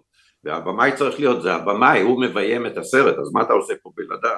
אז בקיצור, הוא קיבל עצבים, והיה לו חתיכת פאה כזאת בסרט, הוא משך אותה מהראש, זרק אותה לרצפה, רץ החוצה, העוזר במאי ניסה לרוץ אחריו, להגיד לו, "אה, הוא נכנס לאוטו וברח. וזהו? לא, עכשיו, אומר לי, ה- אני מצלצל ללוס אנג'לס, אני אומר, תראו, הבן אדם, יש לי בעיה עכשיו, אז הזמן עובר ואין לי את השחקן, השחקן ברח. אז הבנתי שאני צריך לעשות משהו, איזה מעשה קסם שלא... משהו ש- שיגע בו איכשהו, אפילו אם זה לא הכי נחמד. ואז אמרו לי שהוא מוכן לדבר איתי ב... ב... בסט עוד פעם, הוא יבוא לסט, הוא כן יראה את פניו, הוא יסביר לי. לא נתתי לו להסביר לי, רק אמרתי לו, אני רוצה שתגיד לי, כי אני חושב שאני יודע למה אתה לא רוצה שהוא יהיה, ואתה לא רוצה שאני אהיה. הוא אומר, מה, למה? בגלל שאני יהודי. מה? אתה רוצה להגיד שאני אנטישמי? אני אנטישמי. והוא רץ והסתגר במוטורום שלו, בטריילר. נתתי לו להיות שם, ואחר כך הוא קרא לעוזר שלו ואמר ששלח אותו אליי, שהוא רוצה לדבר איתי. ואז נכנסתי לזה, לטריילר, והוא ישב ככה, בוכה, אמיתי, בוכה. ואמר לי, פגעת בי כל כך, אתה, אתה, אמרתי לו, אתה פגעת בי, מה עשיתי לך? הוא אומר בוא, בוא, בוא, בוא, בוא, בוא נפסיק עם זה, בוא נפסיק עם זה, והוא חיבק אותי, שם את הראש שלו פה, ובכה עליי איזה רבע שעה. וואו. בחיות, בחיות שאני מכיר אותן אצל שחקנים, הוא הביא את ה... בטח את הילדות שלו, אני לא יודע מה. ואחר כך הוא אמר בוא נלך ביחד לסט, ונראה להם שאנחנו בשולם ושהכול בסדר. ככה הסתיימה הפרשה הזאת בערב. אתה חושב, שזה, אתה חושב שזה היה פייק? כי הוא פחד מההשלכות של להיות מתפס לא, הוא משוגע אמיתי. הבנתי, אוקיי.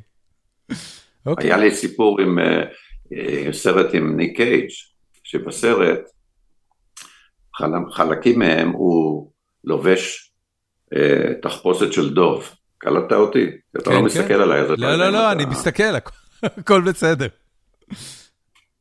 עכשיו הוא קורא לי לטריילר, תמיד כשקוראים למפיק או לבמאי לטריילר, אתה יודע שמשהו לא טוב. נכון. אז אתה בא לשם, הוא אומר, שמע, יש לי רעיון גאוני. מה הרעיון שלך? הוא אומר, ראית את התלבושת שעשינו היום בסצנה של הדוב? כל הסרט אני רוצה להיות עם התלבושת הזו. או-אה. מה זה כל הסרט?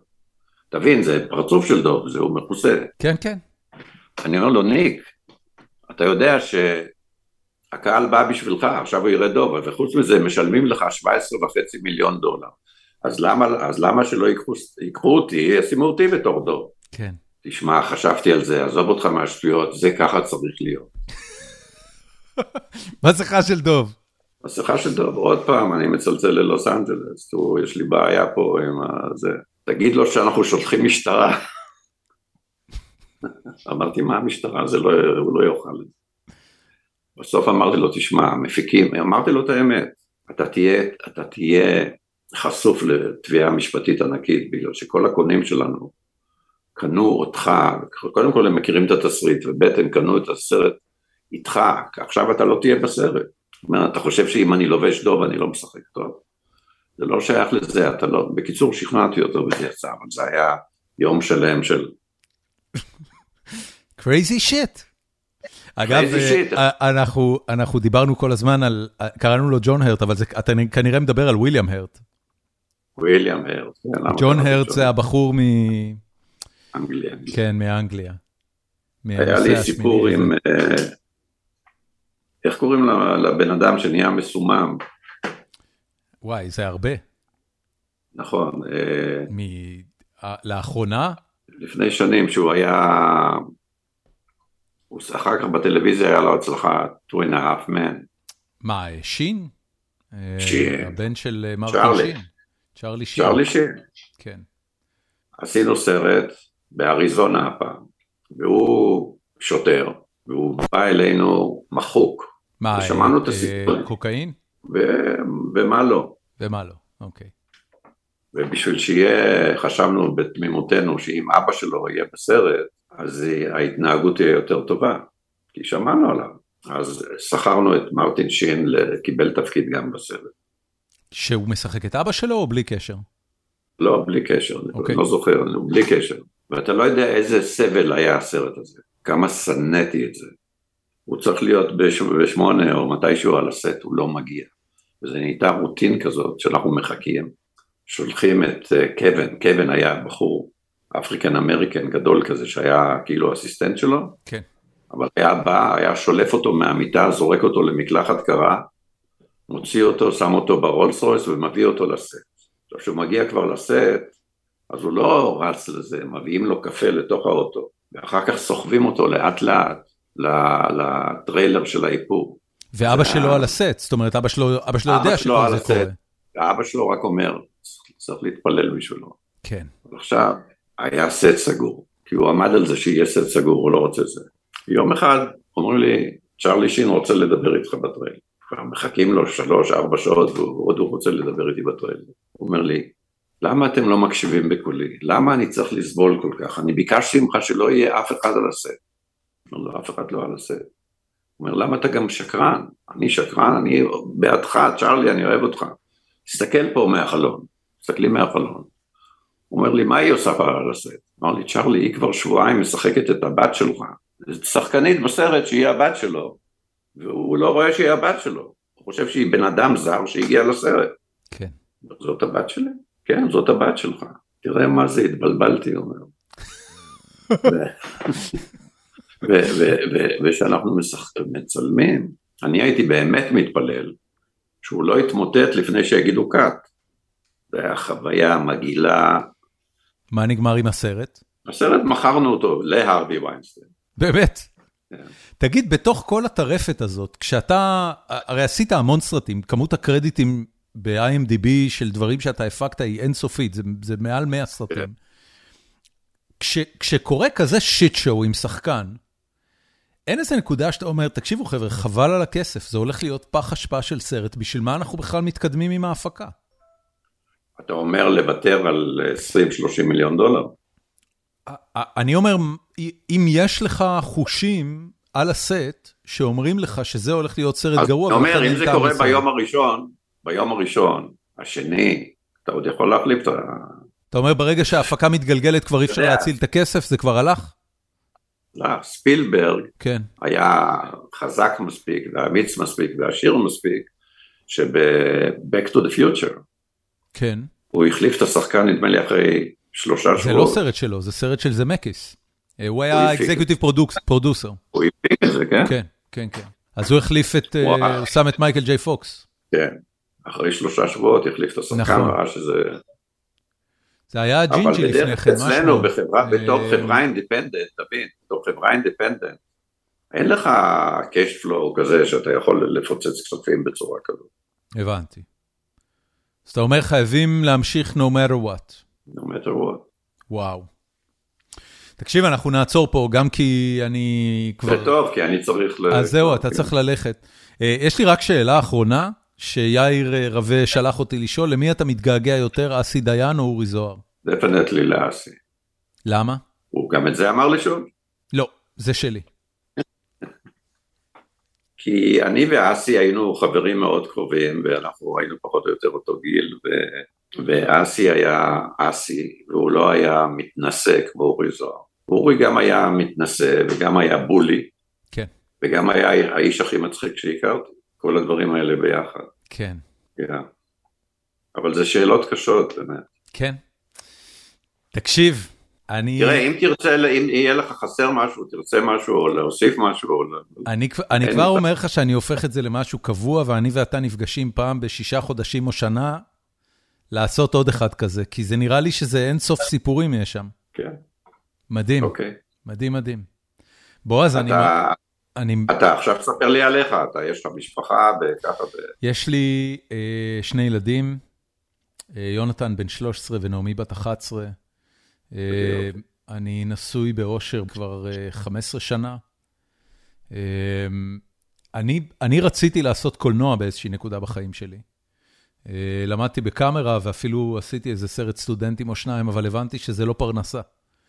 אז הלכתי להייטק והלכתי לאזורים של, אה, של מדיה ושל אה, תוכן ושל משחקי מחשב וכל מיני כאלה, ששם יש, אה, הרבה, הרבה, לדעתי הרבה יותר קל להתפרנס.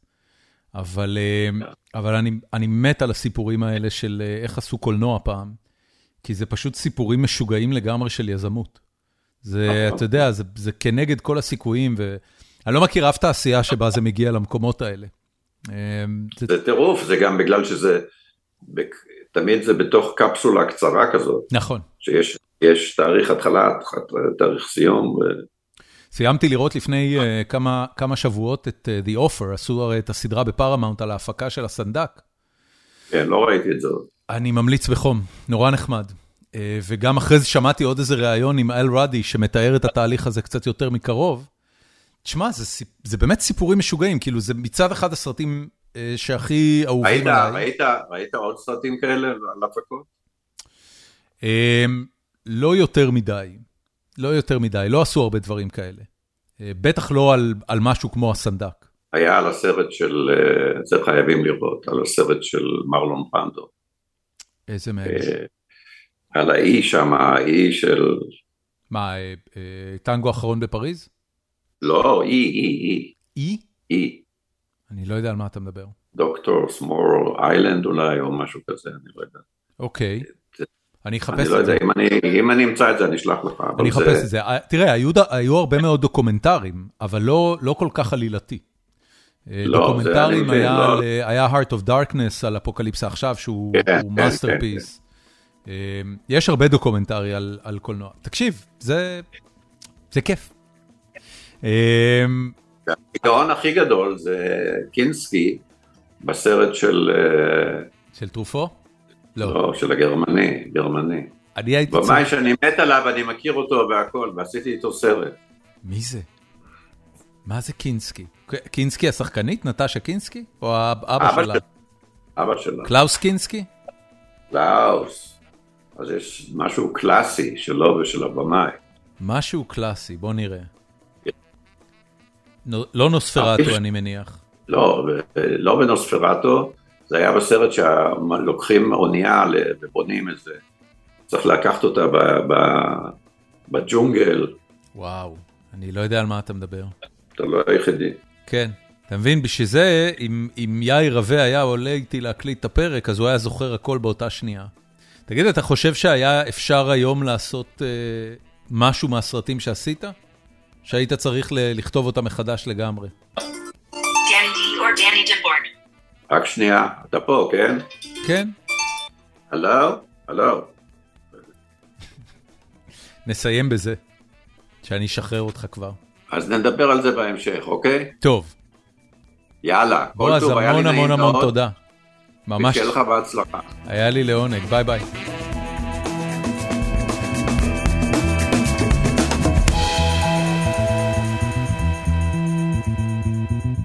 ועד כאן הפרק. אה, מקווה שנהניתם לפחות כמוני, כי אני ממש נהניתי.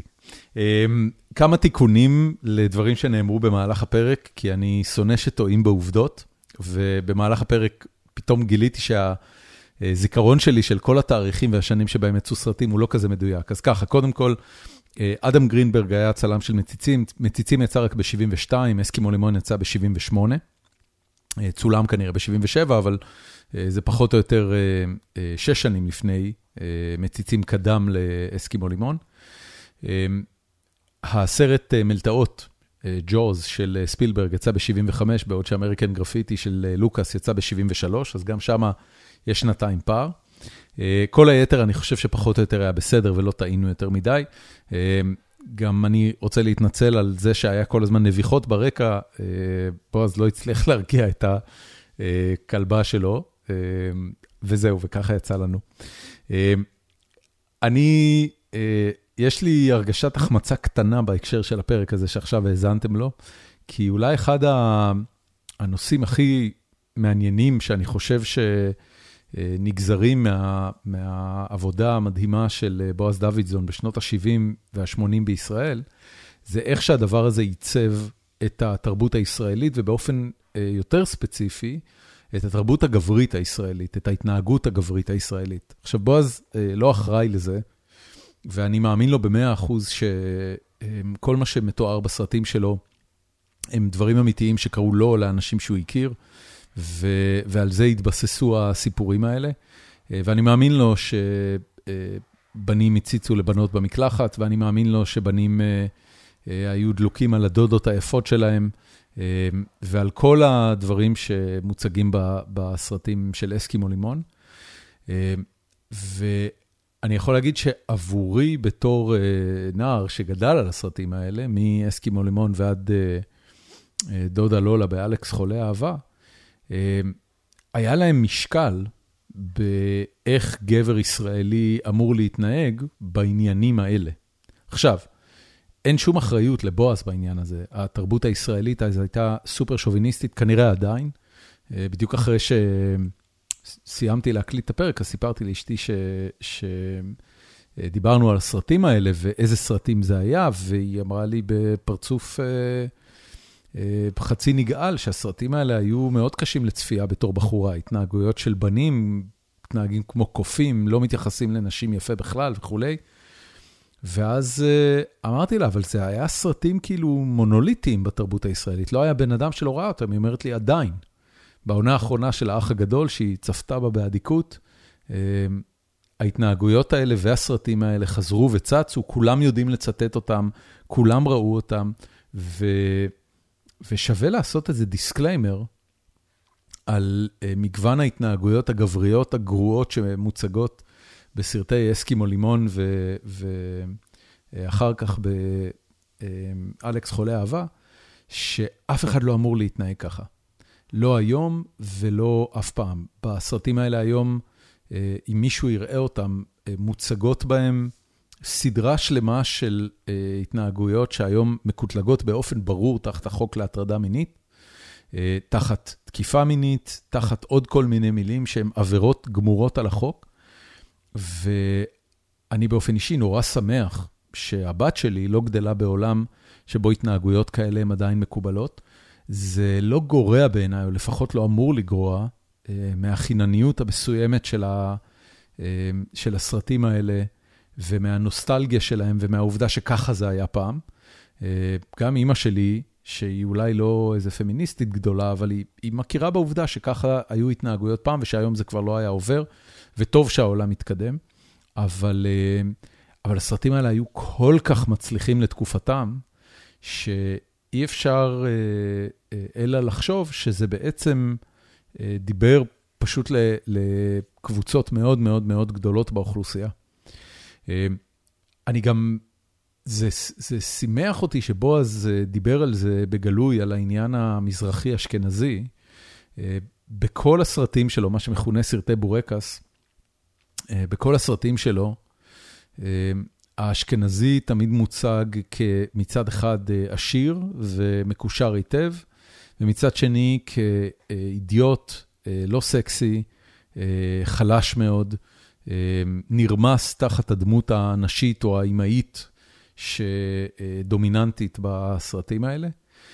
ומהצד השני, הדמות של, של המזרחי בסרטים האלה, אם זה צ'ארלי וחצי, אם זה חגיגה בסנוקר, מוצגת בתור תחמנית, שרמנטית, וזאת שהרבה פעמים בסוף כובשת את לב הנערה. ובמובן הזה, בועז דוידזון הקדים בכמה עשורים טובים את, ה, את העניין של ישראל השנייה, אם זה בכלל קשור אחד לשני. ו, וה, זה, זה כל כך הקסים אותי שהוא אמר בפרק, שהסיבה שבגללה הוא עשה את הסרטים בצורה, בצורה הזאת, זה שבאמת משפחות לא אשכנזיות נראו הרבה יותר אטרקטיביות. זה תמיד נראה כמו משהו הרבה יותר חם ואוהב וקסום וטעים וצבעוני ושמח. והסטריאוטיפ הזה נשאר לאורך הרבה מאוד שנים. לדעתי, במובנים מסוימים עדיין קיים. היום, בהיותי בן אדם בוגר שמדבר עם ישראלים מכל הקשת העדתית, אז בקרב האשכנזים יש קונצנזוס שהמשפחות הלא אשכנזיות היו כיפיות יותר, שמחות יותר, ואולי זה באמת בגלל פרמטרים אובייקטיביים, כמו זה שאוכל של עדות ישראליות צפון אמריקאיות, צפון אפריקאיות, הוא פשוט הרבה יותר טעים, וגם יכול להיות שזה קשור לזה שבמשפחות האלה לא הייתה את טראומת השואה, ולא היה התמודדות כל כך כבדה עם מחיקה שלמה של משפחות, ואלבומי זיכרון, וימי שואה, ויארצייטים, וכל הדברים האלה שהם פשוט אבני יסוד בחיים האשכנזים. וכך או כך, הטראומה הזאת, בועז לא דיבר עליה, אבל זה לא יפתיע אותי בכלל אם הדבר שממנו בסופו של דבר הוא ברח כשהוא עזב את הארץ ועבר לארצות הברית, זה זה. זה חיים קצת פחות בצל הטראומה, קצת פחות בצל אולי הביקורת הבלתי פוסקת שכנראה עפה לו על הראש בתור מי שיצר את, את האסקימו לימון, ואת סרטי הבורקס שלאורך רוב שנות ה-80 וה-90 הקולנוע הישראלי, סליחה, הקומיסרים של הקולנוע הישראלי, תיעבו אותם והתייחסו אליהם כיצירות תרבות נחותות וזולות. ו... והוא פשוט הלך לאמריקה, איפה שאפשר לעשות איזה קולנוע שאתה רוצה, איך שאתה רוצה, העיקר שיעשה כסף. יש הרבה פחות שיפוטיות ויש הרבה יותר רצון לבידור ולפיור אנטרטיימנט, שהיה ממנו המון בסרטים האלה. זהו, וישראל הפסידה. כמו שהפסידה את, צביקה פיק, שלא היה פעיל באותם, באותם שנות 80 ו-90, כי כל מה שהוא עשה ב-70's גרם לו להיתפס כלא מספיק איכותי, בגלל עוד כל מיני מנגנונים שדפקו את העסק ועוררו המון זעם ציבורי בקרב התרבות הישראלית. עד כאן החפירה שלי להיום. זה היה פרק ממש נוסטלגי עבורי, ואני מאוד מקווה, שוב, שנהניתם להאזין לו. אם לא, אתם יודעים משהו? זה חלק מהסיפור, לעשות את הפרקים האלה שהם על גיבורי הילדות שלי ואנשים שעיצבו לי את, את הילדות, ויש לי עכשיו הזדמנות לדבר איתם. זה פשוט חוויה אדירה. תודה שהאזנתם, ונתראה בפרק הבא.